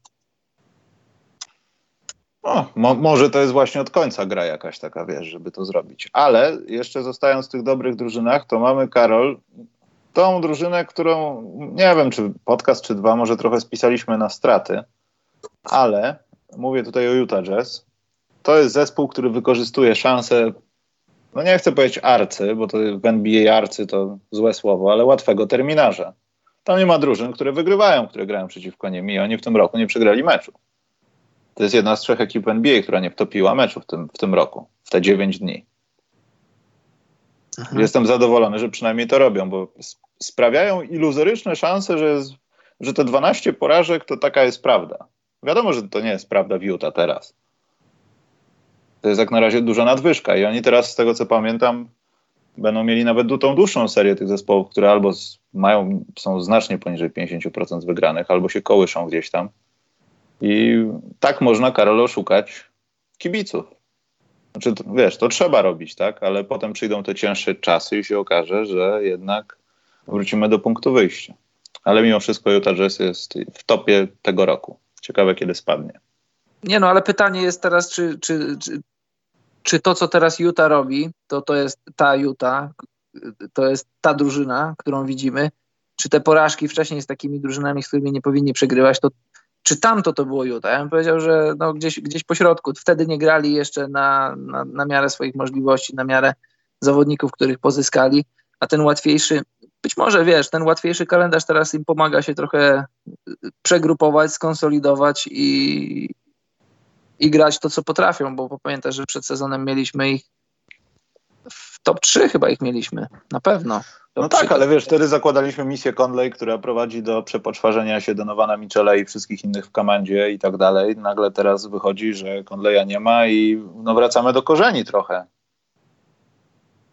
No, no to z musu, no trochę tak. Trochę tak i też no, co za tym idzie widać, że to nie jest tak jak kiedyś, że Utah musiała wygryzać wszystko, żeby dochodzić do swojego, tylko tam jakiś progres zaszedł. Ale uważam, że bez Conleya to, no, to może się co najwyżej skończyć tak jak się zawsze kończy w, w przypadku Utah. No nie będzie większej walki o to, żeby, żeby o Jezu być w finale konferencji. Ja myślę, że to jest po prostu robienie punktu minimum. Wygrywanie łatwych spotkań zasobami ludzkimi, które mamy obecnie. I tyle. Ale to przynajmniej cieszy, no. Nie no, jak, wiesz, no jakbyśmy już teraz mieli rozmawiać w kontekście zdobycia tytułu, no to, to wiadomo, że jazz nie będziesz miał w pierwszej kolejności, może nawet i w drugiej nie będziesz miał.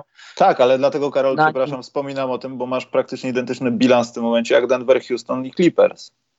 Yy, tak, właśnie o tym mówię. I jakbyś wziął te drużyny, które mają podobne bilanse, to pewnie Jazz miałbyś te, gdzieś tam na ostatnim miejscu w kontekście szans na zdobycie tytułu. Ale teraz, teraz jak zobaczmy, oni ma, ja, trochę obśmiałem ten, ten transfer Jordana Clarksona, a tu z Jordanem Clarksonem oni są 7-0, nie przegrali jeszcze tego meczu. Okazuje się, że oni być może takiej właśnie iskry, iskry z ławki potrzebowali takiego gościa, który ma ciąg na kosz, żeby zdobywać punkty. Czasami to, jak, ja oglądam mecze jazz, bo bardzo lubię ten, ten system, Queena Snydera, a czasami to aż, aż widać, że, że on się aż tak wiesz, sam siebie próbuje blokować, bo, bo jak alkoholik, jak widzi, jak widzi flaszkę, ciągnie go rękę, do, żeby po nią sięgnąć, tak samo jego ciągnie, żeby, a czasem oddać już, a nie, podam, jak przecież gram w Utah, gram w Utah, to się tutaj lepiej podać, nie zawsze rzucać, ale no y, przez sezon mogą spokojnie przejść na 50 plus wygranych. Conley niedługo wróci.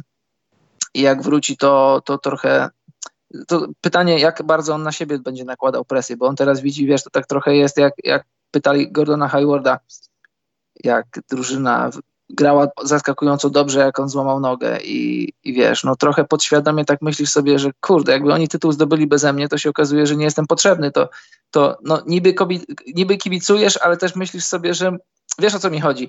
To tak samo teraz z Conleyem, że Utah gra, okazuje się, że Utah gra lepiej bez niego. No to jak, jak on teraz wróci, to w zasadzie system, system aż tak bardzo nie potrzebuje tego, co, czego on, co on wniesie, swoje doświadczenie, swoją grę, ale on sam na siebie narzuca presję, bo wie, że teraz, teraz, teraz może być tylko lepiej, bo jak będzie gorzej, to się okaże, że być może on nie pasuje. Poza tym to też jest taka, nie wiem, no tak jak mówiłeś o systemie, no, kiedy był Conley, było założenie tego, żeby szukać też rzutów, no ale wiadomo, jak jest Gobert w składzie, no to też nie możemy się oszukiwać, że skoro otwiera się środek, no to musimy tam zacząć grać. A teraz no. jest tak, że tak jak wspomniałeś po tym transferze, jest w końcu ktoś, kto może realizować to, że można rzucić z dystansu, można to jedno podanie mniej wykonać i no jeśli tam jest obrona, no to dobra, damy do środka, jak nie wykorzystujemy człowieka, który po prostu rzuca. Może jest Lou Williamsem dla ubogich, ale zawsze to jest ktoś, kto rzuca. A w tej drużynie nie zawsze można znaleźć kogoś, kto rzuca seryjnie poza jedną osobą. Mhm. No i myślę, że to jest też tego typu rozwiązanie. Tylko widzisz, czy, czy to nie jest jakiegoś swojego rodzaju fatamorgana, no, że masz, masz jakbyś teraz został wybudzony ze śpiączki, tu patrzysz na bilans i to wow, wow, wow, czyli znaczy, że Mike Conley zrobił różnicę. A to no nie będzie prawda. No, ja bym powiedział, wiesz, y, odejmując, odejmując te przegrane mecze, których nie powinni przegrać w tych powiedzmy pierwszych 15 meczach czy 20 meczach sezonu i dodając do tego, że trochę, trochę mieli łatwiejszy kalendarz, ja bym powiedział, że mniej więcej są na tym miejscu, na którym gdybyś przed sezonem, po tych wszystkich transferach powiedział, no Utah będzie mieć bilans 25-12, no myślę, no okej, okay, okej, okay, no mniej więcej tak, tak to sobie wyobrażam. Wiesz, co mi chodzi, że ten trochę falstar po tych tam, nie wiem, tam 15-20 meczach trochę się zbilansował z tym, że teraz zaczęli wygrywać. Wiadomo, że kalendarz trochę sprzyjał, no ale też yy, nie, nie przejechali się po każdym. Też pokazali trochę charakteru w końcówkach paru meczów. Najbardziej to mi się podobał, najbardziej mi się podobał mecz Bojana Bogdanowicza. 35 punktów, a wszystko inne na zero. To jest taki pure shooter. Gościa tylko ma, jest, ma zdobywać człowieku, idź, zdobywaj punkty, oni, o nic więcej się nie martw. Ja to nazywam, on po meczu, albo trener go mógł po meczu zapytać, to ty nie mogłeś tak od początku sezonu? No mogłem, ale kazaliście zawodników. Tak, którzy w ostatnim meczu sezonu robili takie rzeczy, które nawet nie chciałem, żeby ten ktoś robił, bo nie spodziewałem się. Nagle okazuje się, że centrzy robią reverse layupy, biegają coast to coast i w ogóle, wiesz. I trener nie kazał, to nie robiłem. No. Także podziwiam. To był naprawdę niezły występ.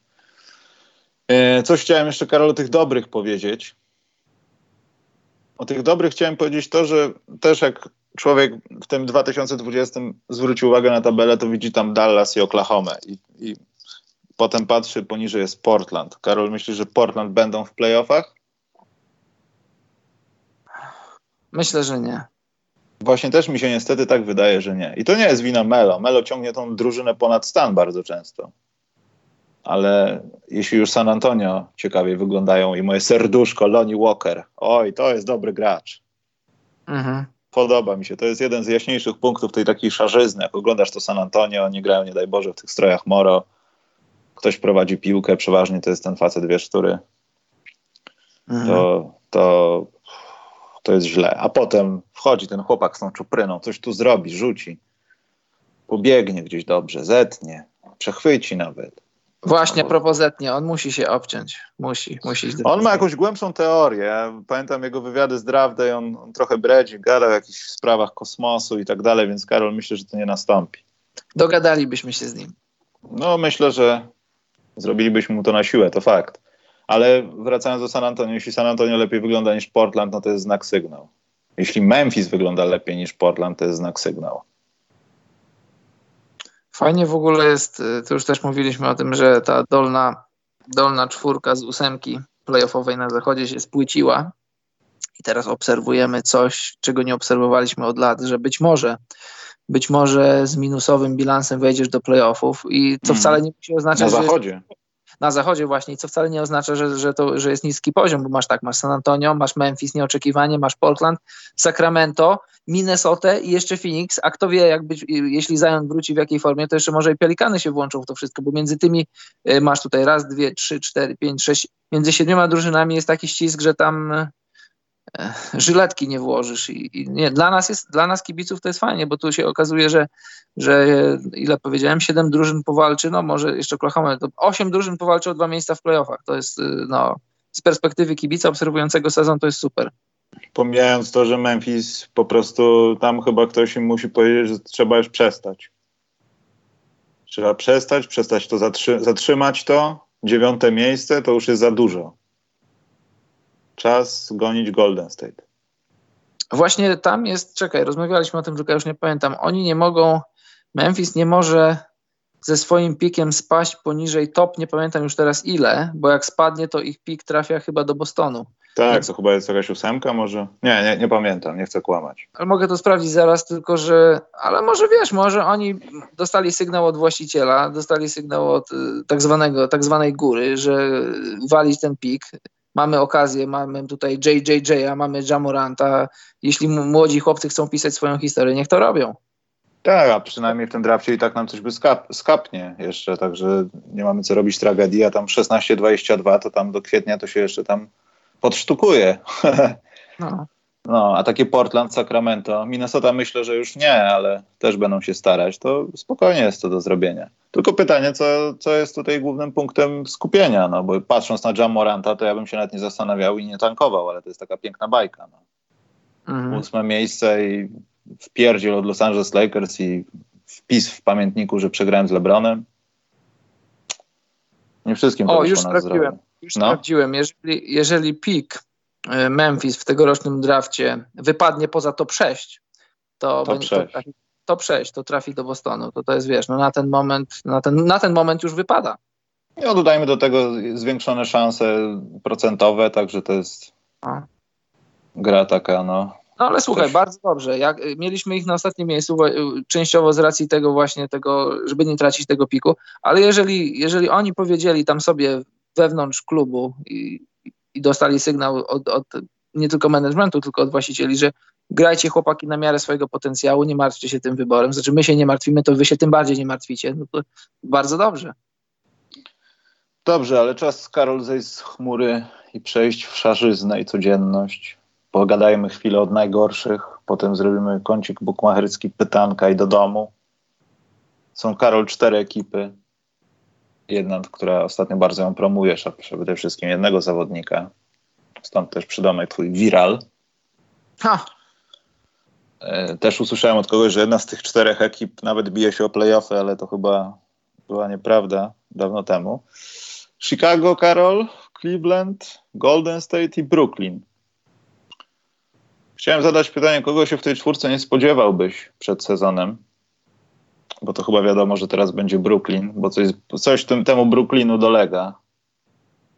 Nie wiem, znaczy wiem co, dużo rzeczy dolega, ale tej takiej głównej chyba nie mogę znaleźć. Ale kto według ciebie jest najgorszy, Karol, w tym roku? Taki najgorszy, że nie możesz patrzeć na niego. Atlanta i Cleveland. Atlanta? Nawet jak rzucają po te 80 punktów, ci mali goście z tymi loczkami takimi, tak, tak, to tak. się da oglądać. Ja nie mogę patrzeć na Atlantę tylko dlatego, że ktoś stwierdził, że jak wraca jedna z lepszych aktorek, Joan Collins, to trzeba coś zrobić z Jabarim Parkerem.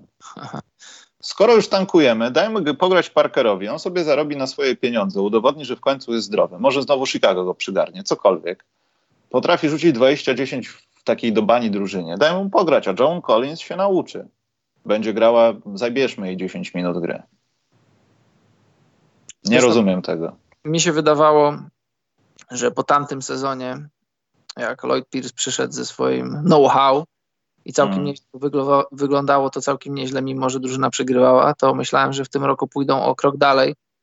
I no, w playoffach ich nie miałem, ale miałem ich oczami wyobraźni, że to będzie drużyna, która, której, przeciwko której będzie ciężko grać, szczególnie u, u nich tam w Atlancie, że to będzie basket taki, no basket na tak, w którym ostatecznie będzie brakowało doświadczenia i talentu, a niestety, niestety się okazuje, że tam brakuje bardzo wielu rzeczy i no, no mi się nie podobają mecze Atlanty, to, to jest, jak dla mnie to jest zgrzytanie zębów, tak samo w Cleveland, no ale na razie jesteśmy w Atlancie. Nie podoba mi się to, że, że Trey Young robi jakieś tam, nie wiem, tam kosmiczne triple-double złożone z 40 punktów, a, a no nawet nie, nie stwarza pozorów, że zależy mu na obronie.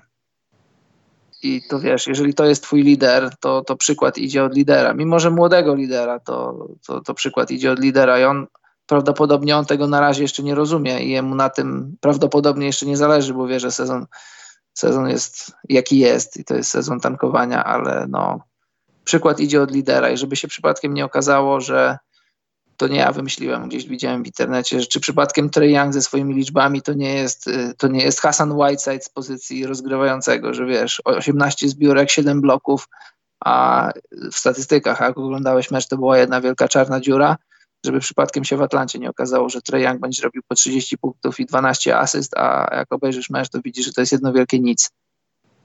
Nie życzę tego Atlancie. A Cleveland dlaczego? Bo wiesz co, ja tu jestem zdziwiony bardzo. Bo Sexland, nie mogę patrzeć na tych dwóch typów, to, to jest jakbyś, jakbyś wziął, e, wziąłbyś, nie wiem, e, inteligencję od pantofelka, to, to, to, to jeszcze napełniłbyś ich obu głowy jeszcze by zostało. No, faceci nie, nie myślą na boisku. To jest, to jest Sextona to ty szanuj, on sam prawie mecz wygrał kiedyś w NCAA. Tak. tak, a później wyłączył PlayStation. Nieładnie, Karol. Bardzo, nie, bardzo mi się to nie podoba, twoja postawa no. w kierunku tego człowieka. Bardzo. Ale wiesz o czym mówię? Chodzi mi o, o Kevina Love. Chodzi mi o tą całą sytuację tam. Tristan Thompson też miał coś do powiedzenia Beeline'owi. Beeline od początku był osobą, która wydaje się nie pasować do dzisiejszej koszykówki, do koszykówki w NBA i tym bardziej idąc do nowej drużyny, która ma się w jakiś sposób odbudowywać, a jednocześnie na koniec dnia musi tak zarządzić swoimi zasobami największymi ludzkimi, żeby to wiano w postaci Lowa i Thompsona przekuć w coś dobrego.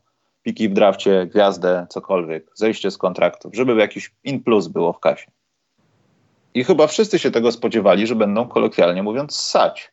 Więc nie rozumiem, czym jest sfrustrowany Kevin Love. Tym, że nie wygrywają mecze i nie biją się o playoffy? No na miłość boską, Kevin, to ty powinieneś włączyć PlayStation albo zacząć patrzeć na to, co się dzieje w drużynie, bo wy nie gracie nic od ho, ho i nawet nie zostaliście zaplanowani, żeby grać. A jeśli oglądacie Oklahoma i patrzycie, że skoro Chris Paul może, to my też możemy, no to winszuję. No to jest, to bardzo dobre pytanie i, i bardzo ciekawa sytuacja, bo wiadomo, że wiadomo, że tak, no grasz, żeby wygrywać, ale to jest taki truizm. No grasz, żeby, żeby zarabiać pieniądze. Jak była okazja, żeby podpisać kontrakt, to, to kontrakt podpisujesz, tym bardziej, że nikt by ci takiego nie dał na wolnym rynku. Mówię o Kevinie. No I, ale też, żeby mu oddać, on podpisywał umowę, kiedy jeszcze Lu był trenerem. Lu, który zdobył tytuł, znaczy tytuł zdobył LeBron, Lu tylko tam siedział. No ale był tam Shining Fry, był tam J.R. Smith, to jeszcze, jeszcze wtedy wydawało nam się, że J.R. Smith coś jeszcze może pograć w koszykówkę, że pamiętasz, czekaj, to był poprzedni sezon, początek poprzedniego sezonu, jak Cleveland w meczu otwarcia sezonu toczyło wielką walkę z, z Raptorsami i z Kawajem i już wtedy o tej drużynie wiadomo było, że będzie dobra. No nie wiedzieliśmy, że będzie mistrzowska, czy tak dobra, ale że będzie dobra. I mieliśmy, nie pamiętam, czy mieliśmy te nasze powyżej, poniżej, ja tak sobie pomyślałem, kurczę, przecież to Cleveland będzie dobre. W kontekście pomyślałem tych zakładów y, całosezonowych, tam chyba próg był 32 wygrane. I pomyślałem sobie, kurczę, jak ja zrobiłem błąd, przecież to jest drużyna weteranów i pewnie, i pewnie w Cleveland, też rynku nie największym w NBA, pewnie nie chcą, żeby, żeby ta drużyna się stoczyła. I ja się pomyliłem i Kevin Love też się pewnie pomylił. On, wiesz, raz wygrywasz, chcesz wygrywać drugi raz. Wiadomo, że pieniądze są ważne, no ale prawie każdy zarabia dobre pieniądze w NBA. I myślę, że trochę sytuacja się zmieniła, ale też ja, ja nie bronię Kevina Love, bo jeżeli on chce odejść, a wiadomo, że chce odejść, no to nie w taki sposób się odchodzi. To nie, nie, nie tak, że, że walisz, walisz w krzesło i wiesz, że każdy to widzi. Nie tak, że, że na boisku pokazujesz jakieś gesty, no bo tym bardziej każdy to widzi. I zresztą on się przyznał do tego, że się ma 31 lat, zachował się jak 13-latek, jak sam to powiedział. A mam to do ciebie pytanie, Michał. I to, no, Słucham. Żarty na bok czy myślisz, że biorąc pod uwagę, że, że Kevin Love miał ten swój coming out, że miał, wiesz, no, problemy w sferze mentalnej, że no, po prostu wyszedł z tym i wiemy o tym, że miał z tym problem. Myślisz, że teraz drużyny, które by chciały go ewentualnie pozyskać, myślą sobie, zobacz, co ten gość tam odwala i czy to przypadkiem nie, wiesz, nie postawi jakiegoś znaku zapytania przy nim, że to jest człowiek, który, no sorry, ja się z nikogo nie śmieję, ale to takie są fakty, że miał problemy ze sobą, i czy to nie będzie tak, że kiedyś może on się stać dla nas problemem w szatni?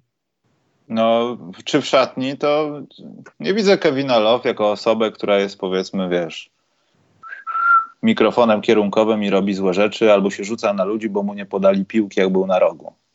Może tylko w jakiś sposób, może w ramach tego, co się z nim działo i na tą całą jego sprawę z psychiką, może po prostu źle znosić jakieś no, tego typu rzeczy, ale nie ma personalnie nikomu nic do powiedzenia, co wtedy też powiedział, że tak jak nieładnie go nakręciłeś, Karol, ja cały czas nie rozumiem, jak mogłeś tak po prostu go nakręcić i przykrość mu sprawić.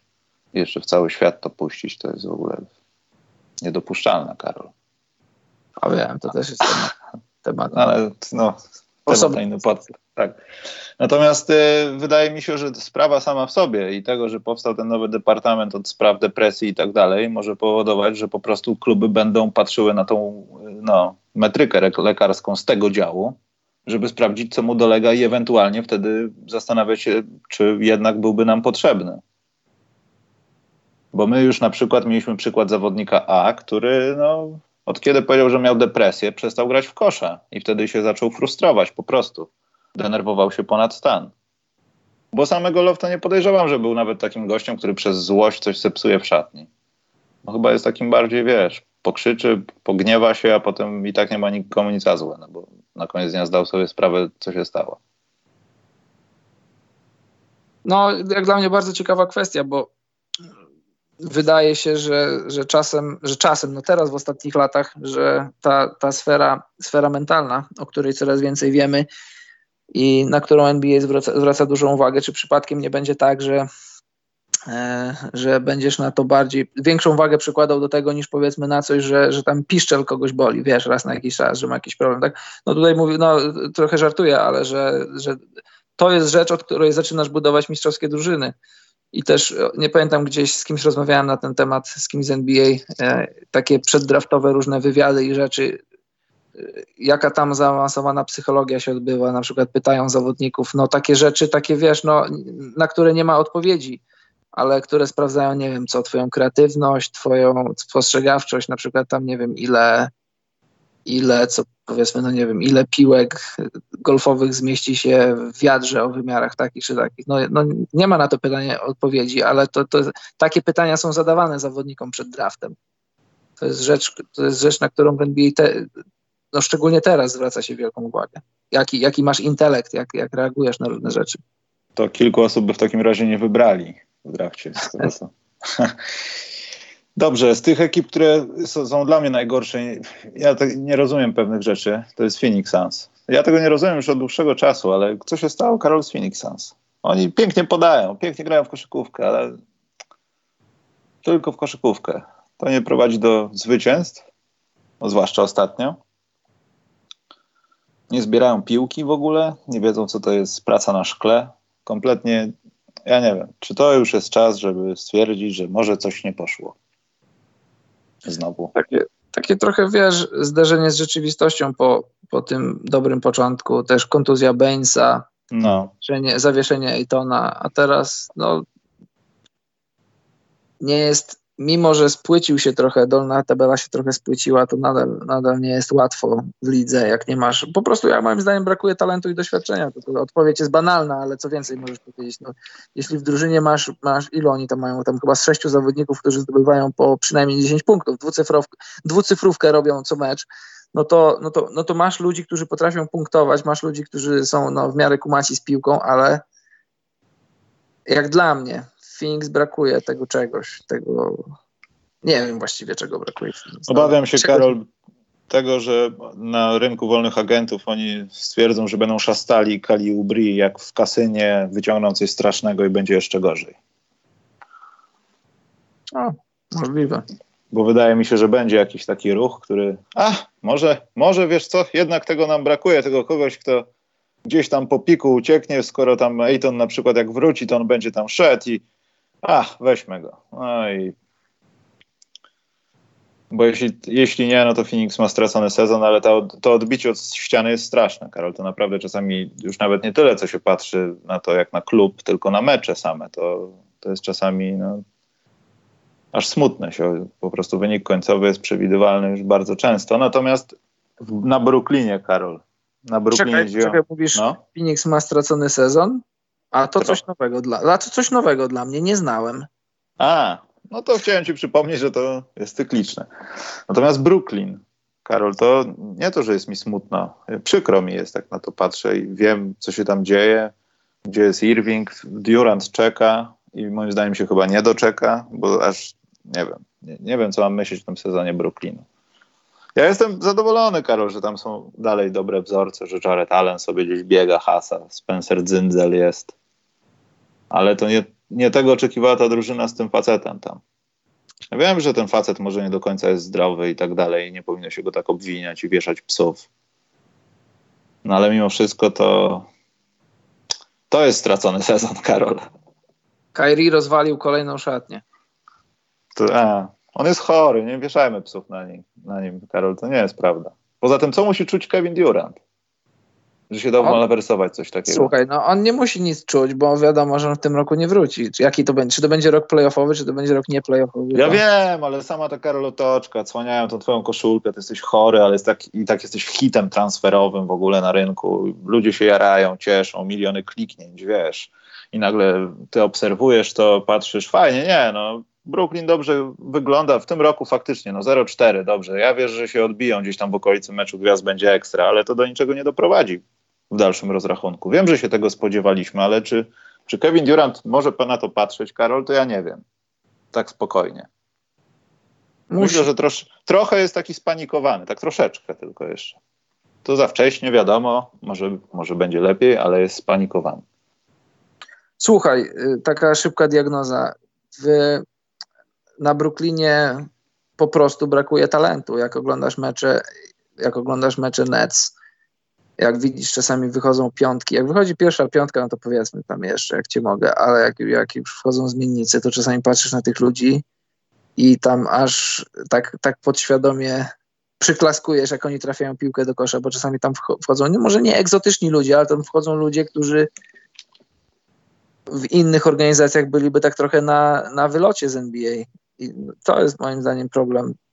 Problem, no to jest największa bolączka teraz, na ten moment Brooklynu. No jak będą zdrowi dwaj liderzy, będzie to inaczej wyglądać, ale teraz tam brakuje po prostu talentu. No Spencer Dinwiddie dostarcza na tyle, na ile może, ale tam no on też Tak nie się niech cieszą, że go mają, bo No właśnie, niech się cieszą, że go mają. Strasznie.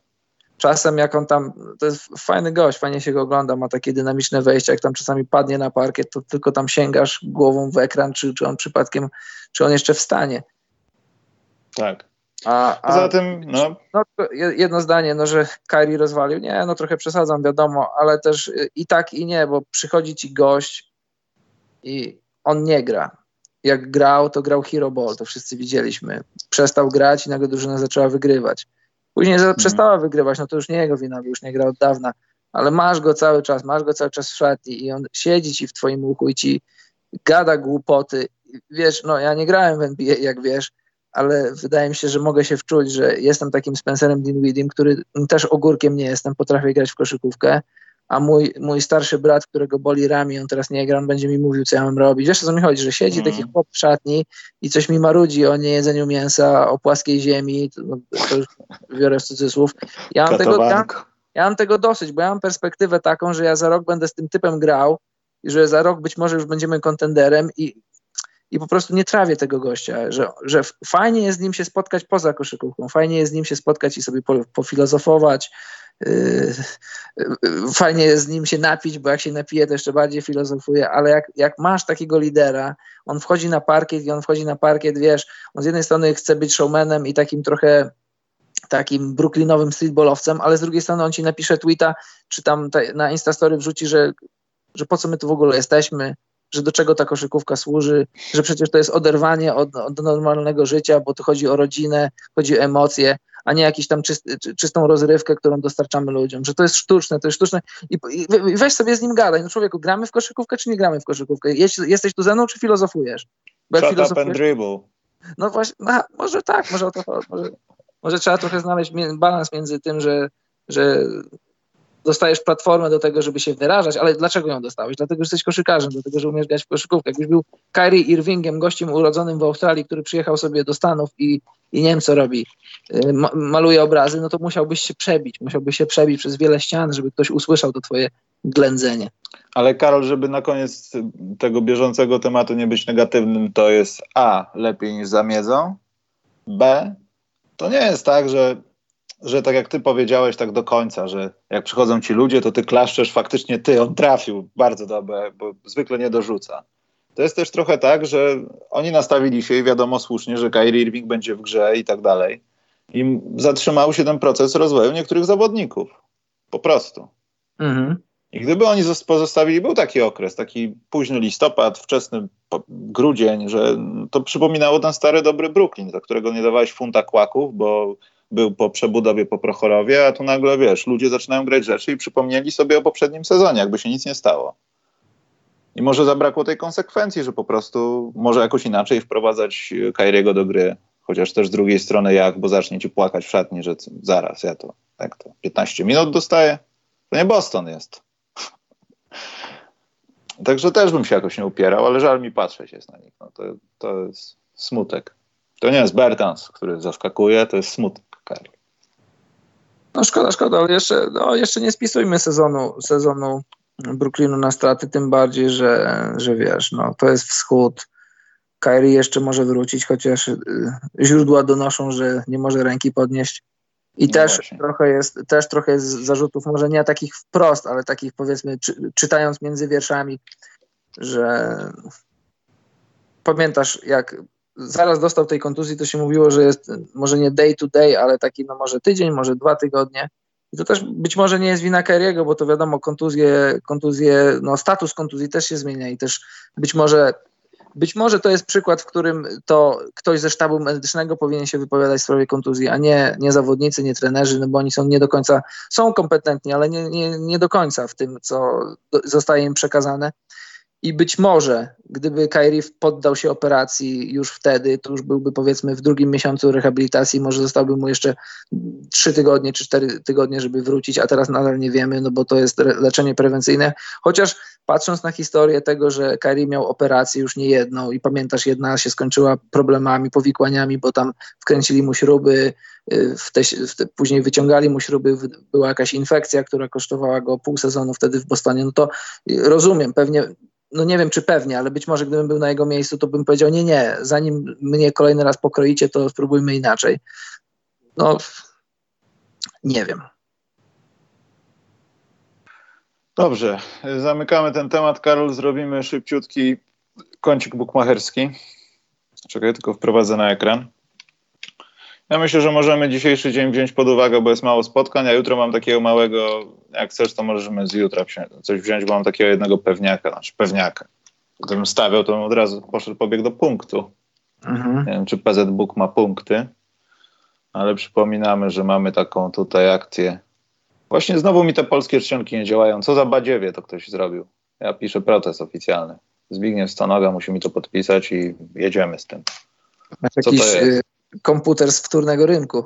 Nie, to oprogramowanie jest jakieś nie wspierające polskich czcionek, a Masz antypolskie czcionki. Mam antypolskie czcionki, dokładnie. Muszę się dowiedzieć, które koła są za to odpowiedzialne, ale mamy kącik Bookmachera z PZ Book. Macie wszystko w opisach, jak się można zarejestrować. Mamy własny kod. Kończymy z Karolem pieprzyć oficjalne sprawy. I Karol, który, który masz typ na dziś? Ja mam jeden tylko, bo są cztery mecze.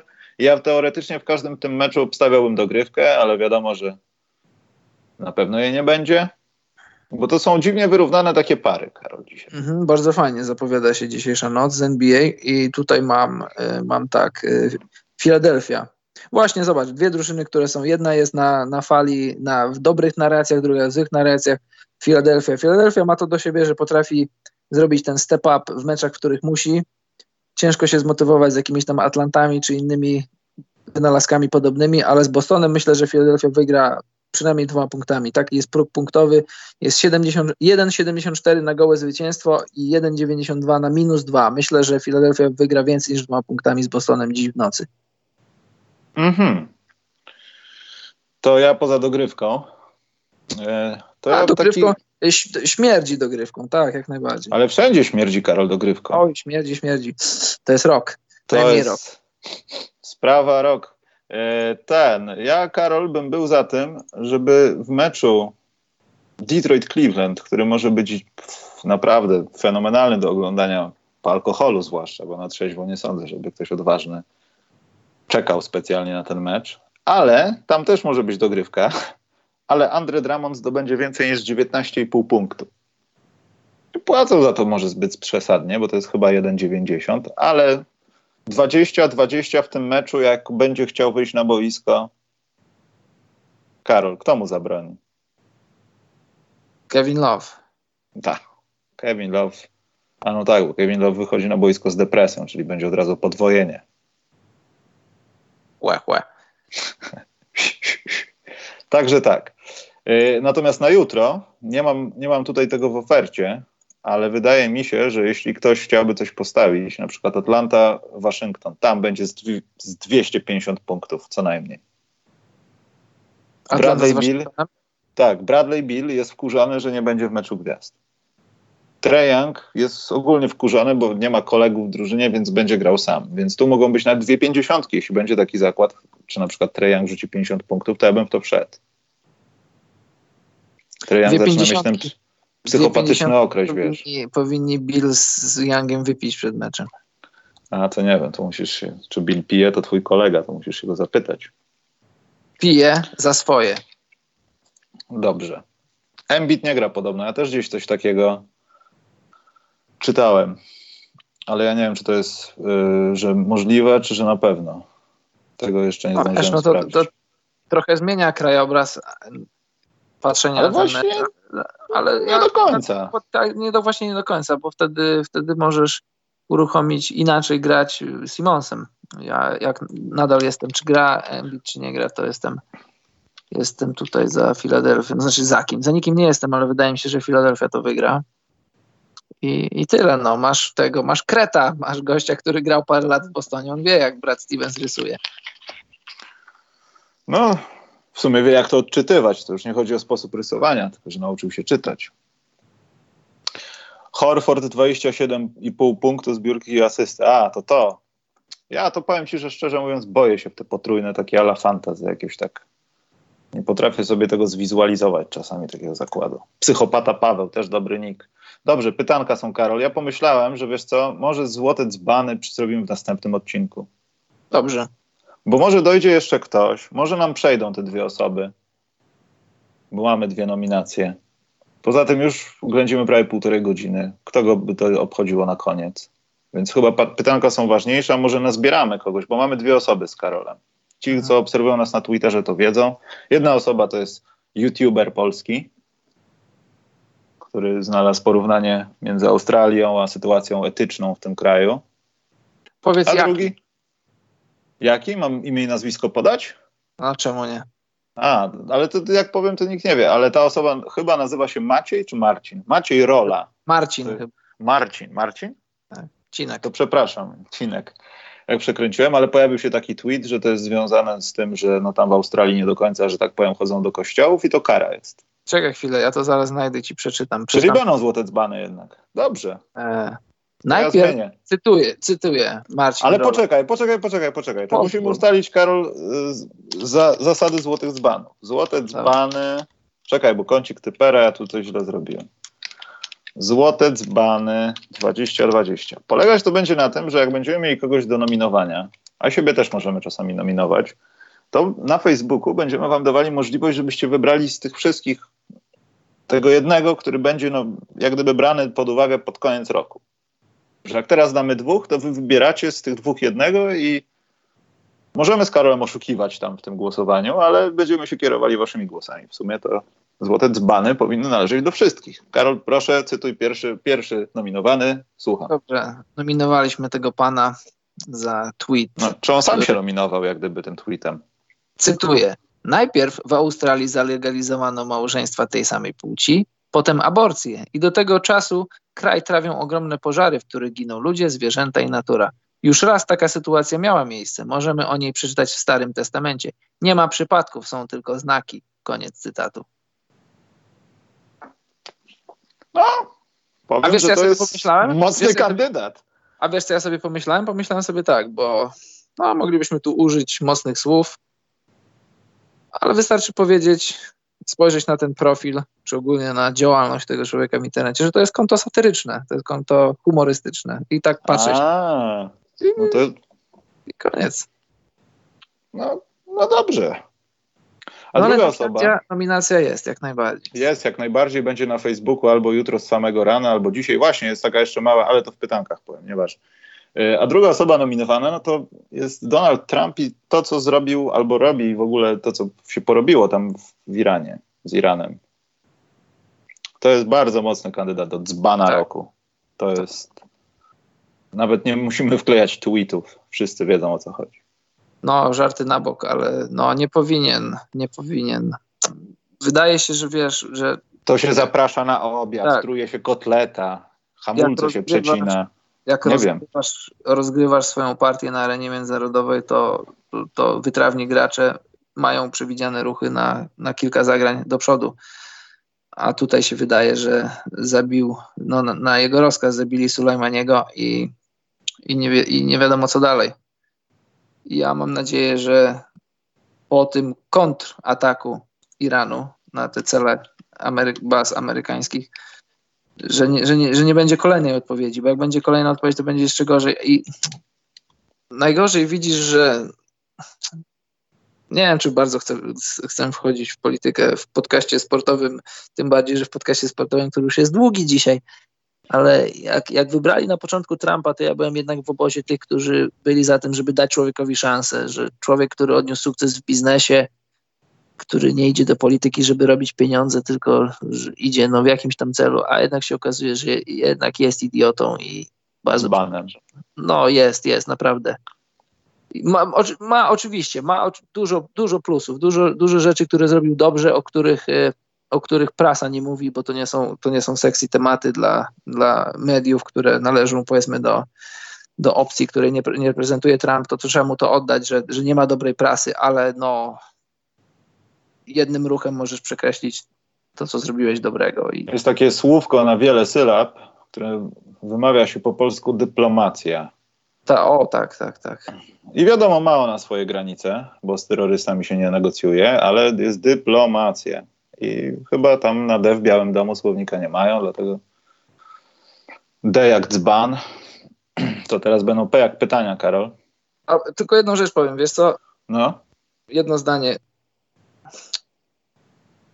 Choć mo- no, chociaż może nie. To, nominujesz się? Nie, nie nominuję się, tylko że zobacz, problem jest taki, że, że ta, to jak patrzymy na Bliski Wschód, to jest, to jest wszystko kreacja, to jest wszystko kreacja mediów. A jak pojedziesz, ja no już byłem w kilku arabskich krajach, nigdy nic złego mnie nie spotkało, tylko i wyłącznie życzliwość i, i, i taka, taka empatia ludzi. I, i, I to jest właśnie to, bo jak, jak przez lata jesteś nasiąknięty tym, co kreują ci media, to co każą ci rozumieć pod pojęciem Bliskiego Wschodu i w ogóle no, w cudzysłowie świata islamskiego czy arabskiego, no to, to z takim nastawieniem tego przychodzisz. Jeszcze jak czytasz, oglądasz te wszystkie doniesienia i, i, i to jest problem. Ja uważam, nie wiem czy się mylę, czy mam rację, wydaje mi się, że mam rację, że jak tu używamy często takiego zwrotu określone koła, są określone koła, które stoją za tym, żeby, żeby świat był skłócony, żeby ludzie, żeby ludzie nie żyli w zgodzie, no bo jak jest pokój, to się nie każdemu opłaca. Jak jest wojna, to na, na wojnach się zarabia, testuje się nowe technologie i to, że żyjemy od dekad, kiedy by one się nie zaczynały, to od dekad żyjemy w takim, takim napięciu, co będzie, co się będzie działo i to pewnym nacjom, czy powiedzmy pewnym jakimś tam organizacjom, takie nazwijmy, jest to, jest to na rękę, żeby taka patowa sytuacja w świecie była. Bo e, tak, tak e, teoretycznie, no żadna religia nie jest zła, każda chce, każda chce być dobra, a jak to jest później przez różnych fanatyków odbierane i rozumiane, to to moglibyśmy rozmawiać no, więcej niż godzinami, bo na ten temat... Myślę, że Karol, inaczej byś mówił, gdybyś był jędrnie zbudowaną Szwedką, która podróżuje z normalnym europejskim strojem po krajach arabskich, ale to nieważne. Tak, ale to wiesz, ale to wkraczamy, wkraczamy, wkraczamy w inne sfery, wkraczamy w sfery takie jak e, rozwój, taka szeroko rozumiana kultura w danym kraju, y, kultura osobista, jakieś takie obycie, to, to wiesz, to, to z religią, jeśli chcesz, możesz to podciągnąć, możesz uważać, że tak, no ale czy, czy y, atrakcyjna Szwedka gdzieś tam po 23 podróżująca samodzielnie, nie wiem gdzie, powiedzmy tam, nie wiem, no w Warszawie, w Kielcach, czy gdziekolwiek mogłaby się czuć w 100% Y, bezpiecznie, no może nie do końca. To nie potrzeba jechać do arabskiego kraju, wystarczy pojechać do białego, katolickiego kraju i też nie dałbyś tej Szwedce gwarancji, że spokojnie przeszłaby po jakiejś tam ulicy, nie wiem, tam Lublina, Warszawy, Kielc, czy, czy, czy jakiegokolwiek miasta. Wiesz o co mi chodzi? Wiem. Niestety to prawda. Nie dałbym też gwarancji, że to jest podcast o sporcie. Więc y, Karol, pytanie jest, bo Wiesiu Rybakowski mi zarzuca jakieś rzeczy. Już na początku zarzucił i poszedł. To jest najgorszy typ słuchacza wrzucił bombę i wyszedł. Jak, jak to. Tak. Że kilka razy poruszałem i krytykowałem sezon Bulls, a zwłaszcza ruchy kadrowe byków, jak sprowadzili Wade'a i Rondo i tam skończyli z bilansem 41-41, weszli do playoffów. Pytanie, czy jak już weszli do playoffów, wygrali na wyjeździe jeden mecz, to potem drugi, jechali do siebie, to też byłeś sceptyczny? Oczywiście, że byłem sceptyczny, bo tutaj nie chodziło o to, że oni sobie sprowadzili i dobrze grają, tylko chodzi o to, jaka była legenda ze strony władz, że my zrobimy super młody, atletyczny skład, a wprowadzili gości, którzy już wtedy byli starsi ode mnie. No.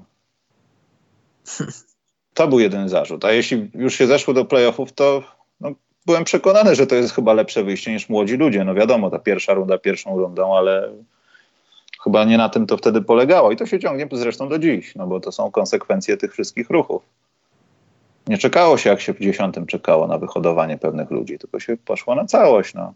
Ktoś sobie wrócił do domu i to się tak szybko samo skończyło, jak się zaczęło. A potem to już wszystko, wszyscy wiemy, co było z Jane Butler. Malcolm Brogdon był Karol u nas. Napisał po polsku że Bam Adebayo wszedł na poziom All-Star i nie jest to nadużycie, w dodatku jest moim faworytem do MIP. To nawet nie jest pytanie, to jest stwierdzenie. Zgadzam się z tym. Dwa stwierdzenia jak najbardziej, jak najbardziej legitne. Potem Malcolm Brogdon wypuścił właśnie nazwiska graczy, którzy prawdopodobnie byliby w kręgu zainteresowań Sixers i tam jest między innymi Igudala. Ciekawe co z Igudalą w ogóle, czy, czy ktokolwiek wie, jak się skończyła ta historia? Czy on był jednak w Lakers, chociaż w biurze dotknął klamki? No, on jest cały czas na kontrakcie, na kontrakcie w Memphis, i, i, ale Memphis powiedzieli, że mogą, może sobie siedzieć w domu i tam sobie parzyć herbatę, czy co, czy co tam chce. No, trochę, dziwne, no. trochę dziwne swoją drogą, bo wiadomo, że zobacz, on jest na schodzącym kontrakcie i wiadomo, że ma swoje lata, ale czy na przykład, zobacz, taki Memphis, nie wiem, jak on, jak, jak on to czuje ze swoim, no, ze swoim poziomem motywacji, ze swoimi kolanami, ale czy to nie byłaby fajna historia, jakby Andrzej Godala teraz pomógł Memphis wejść do playoffu, a później z czystym sumieniem wrócić do Warriors, bo, bo też jest jego nazwisko łączone po sezonie z Warriors, gdzie by nie poszedł, czy ostatecznie gdzieś wyląduje, czy nie. Tak, no tutaj gadu gadu unosi no. się kurz, a Warriors gdzieś tam w cieniu i przyszły no. sezon już tam ugotowany. Nie mój cyrk, nie moje małpy, ale ja myślę, że NBA też się powinna trochę tym zająć, no bo tak sobie bimbać, przez cały sezon sobie nie siedzieć, znaczy nie siedzieć, nie grać, tylko sobie siedzieć w domu, to też trochę średnio. Ja nic do nikogo nie mam, tylko że tak wiesz, to tak, tak proceduralnie, że wiesz, oni mu powiedzieli, że okej, okay, nie chcesz być z nami, nie ma problemu, nie musisz z nami nawet na ławce siedzieć, nie musisz trenować, siedź sobie w domu, my szukamy dla ciebie, wiesz, jakiegoś tam rozwiązania. Trochę to średnio wygląda. Łukasz Chylewski pytał, co myślicie o deklaracji Lawina, że spróbuje wygrać konkurs rzutów za trzy punkty i konkurs sadów. On powinien... A, nie będę się denerwował. Myślę, że za Klawin teraz jedyną jego deklaracją powinno być to, że nie interesuje mnie mecz gwiazd, bo chciałbym w końcu zrobić coś drużynie, na której już tyle naobiecywałem, ale zawsze coś się dzieje. A propos Bulls, nie wiem, nie chcę mi się rozwodzić na ten temat, ale Karol, jaka jest logika ściągania kogoś z siódmym pikiem bodajże draftu i go sadzania i grania z ławki? Zwłaszcza w takim sezonie. Bo jest słaby. No to chyba mogliśmy na nie wybierać. Yy, lupa czy soczewka? Która skupia promienie? A lupa to nie soczewka swoje, swojego rodzaju? Nie rozumiem. Paweł Gruchała, Mitchell łapie się do All-Star Game. Ja myślę, że. Czemu nie? Że chyba za dużo jest konkurentów. I on jest w tej grupie graczy, gdzie jak będziesz miał trzech do wyboru i będzie trzech, a będziesz musiał dwóch wybrać, to Mitchell będzie wypadał z tej trójki. No, wiesz, no konkurenci są, ale ma argumenty po swojej stronie. Są dwa wyniki głosowania na All-Star. LeBron i AD na zachodzie jako skrzydłowi, Alex Caruso na szóstym w backcourt. Kary wypada, bo kontuzja. AC ma szansę zagrać w All-Star Game 2020. Kto to jest AC? A, Alex Caruso, Boże, tych skrótów nie znam. Alexa Caruso to jest za świeże dla mnie. Jak to się stanie, to będzie straszne. Alex Caruso w meczu gwiazd, nie do uwierzenia to byłoby Karol. Łukasz Łukasz pytał. Na YouTubie widziałem info dotyczące, a może na Yahoo, wszystko jedno. Info D'Angelo Russell za Bena Simonsa. Co jeszcze Golden State musiałoby dołożyć, żeby to przepchać? Nic. Nic, najlepiej tego nie robić. Oczywiście, że nie robić. Moim zdaniem najlepiej tego nie robić. Tu mieliśmy jakichś gości z jakiegoś kanału Świata Kulawego. Wszedłem tam, Karol, ale już tam chyba nie ma live'a, także jacyś ludzie nas oglądali spoza koszykówki. To straszne. Czekaj, ale było jakieś konkretne pytanie. Jozue pytał, jaka drużyna będzie chciała pozyskać Kevina Love, mimo że ma ważny kontrakt na 4 lata na ponad 30 milionów za sezon. Ktoś tam się znajdzie. Kto? Nie wiem. Wymienię jedną. Portland. Dlaczego? Bo Kevin Love jest z tamtych rejonów i się kumpluje z Lillardem i McCollumem. Hmm. Czy Luka zagra w tym meczu kwalifikacyjnym z nami w Kowniu? Właśnie, to jest bardzo dobre pytanie. A skąd my to mamy wiedzieć? Nie, bo tam były jakieś deklaracje, że może zagrać, może nie zagrać, ja mogłem to przeoczyć. Bo karnet na no mecze Litwa z kimś, tam i Polska, Słowenia zaczynają się od 10 euro. No ja wiem, że były, ale skąd my to mamy wiedzieć? Trzeba się Luki pytać. E, są pogłoski o wymianie Tadeusa Younga z Bulls. Za kogo? Za Misiek Adama Chry Chrycaniuka. Nie, za, Tadeusz Young powinien zostać za, w Chicago. Za prawa, za prawa do Szymona Szewczyka, który cały czas ma kto? Już nie pamiętam kto. Oklahoma. E, Oklahoma ma. To pytanie, Karol, ostatnie jest, ostatnie jest do ciebie i musisz odpowiedzieć, bo ja też jestem zaintrygowany aż. Psychopata Paweł ciebie pyta. Hmm? Czy oglądałeś Heavy Trip? Fińska, głupkowata komedia. Nie, nie oglądałem. Wiem o co. Znam, znam temat, ale nie oglądałem. Tak? A oglądałeś jakieś ich nieojęzyczne filmy takie, że obejrzałeś całe i zrozumiałeś? Idzie? Czy nie? W sensie językowym. Nie no, w językowym nie, bo ja tu, gdzie mieszkam, się po, po szwedzku mówi. No ale po szwedzku właśnie. A po szwedzku jak... tak, dużo filmów oglądałem. Tak? I nie no. ma problemu żadnego? Jakichś slangowych rzeczy czy coś po szwedzku? Nie, no, jak najbardziej, oczywiście, no ale no wiesz, no zależy na jakim poziomie tam zaawansowania językowego, ale generalnie no takiej normalnej mowy, no to rozumiem i, i kontekst filmu, wiesz, no zależy, no jak bym oglądał film o budowie jakichś tam maszyn, no to pewnie bym nic nie zrozumiał, a takie normalne, normalną rozmowę to tak. I no kino, kino szwedzkie działa prężnie, polecam. No, no, no już nie mówiąc o jakichś tam klasykach, jakimś tam Bergmanie czy kimś, ale y, no do, dobrze, dobre, dobre książki piszą Szwedzi, dobre filmy robią, muzykę też dobrą robią. Szwedzki dobrze. rap, polecam szwedzki rap. Lub trup na przykład. I w ogóle polecam takie Szwedzi to też psychopaci motoryzacyjni jak no. część Skandynawów i mają taką świetną serię, ale to z początku tego wieku, jak jeżdżą nielegalnie samochodami i mają kameryki popodłączane gdzieś tutaj na zderzaku i tak dalej. Nazywa to się Getaway in Stockholm. To za czasów Kazy zapychało serwery w Chinach. Serio. Jeśli ktoś jest, lubi takie rzeczy, to jest na YouTubie. Jest, w ogóle ktoś mi o tym opowiadał, jakoś się nie zgłębiałem w temat, ale to był, e, znam temat od e, znajomego tego chłopaka stąd tutaj od nas Zelandów, który podobno jakieś tam, nie wiem, czy Mistrzostwa Skandynawii, czy Szwecji nieoficjalne oczywiście. Uciekaniu przed policją. Też, e, rasowanych samochodów wygrał, jechał na jakoś tam odcinkowo koło, jakoś tam koło 300 km na godzinę, czy więcej, jakieś takie kosmiczne prędkości osiągał, a to były jakieś takie, jakieś takie stare, wiesz, taka Buda Volvo mhm. przerabiana. To coś takiego, Karol, widziałem, y, tylko nie pamiętam, czy to była Szwecja, czy Finlandia właśnie, że mają takie weekendowe tory, że to, to jest taki tor taki z ziemi, wiesz, nie ma asfaltu czy coś, mają takie samochody do rozbicia, ale tam jakieś silnikowo podrobione i sobie jeżdżą.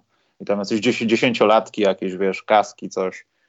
No, no dużo jest tego, jest tutaj widać, jest duże zamiłowanie do motoryzacji, do takiego, żeby sobie tam na boku coś podłubać we własnym samochodzie. Dużo takich jeździ robionych. Wiele wspólnego widzę.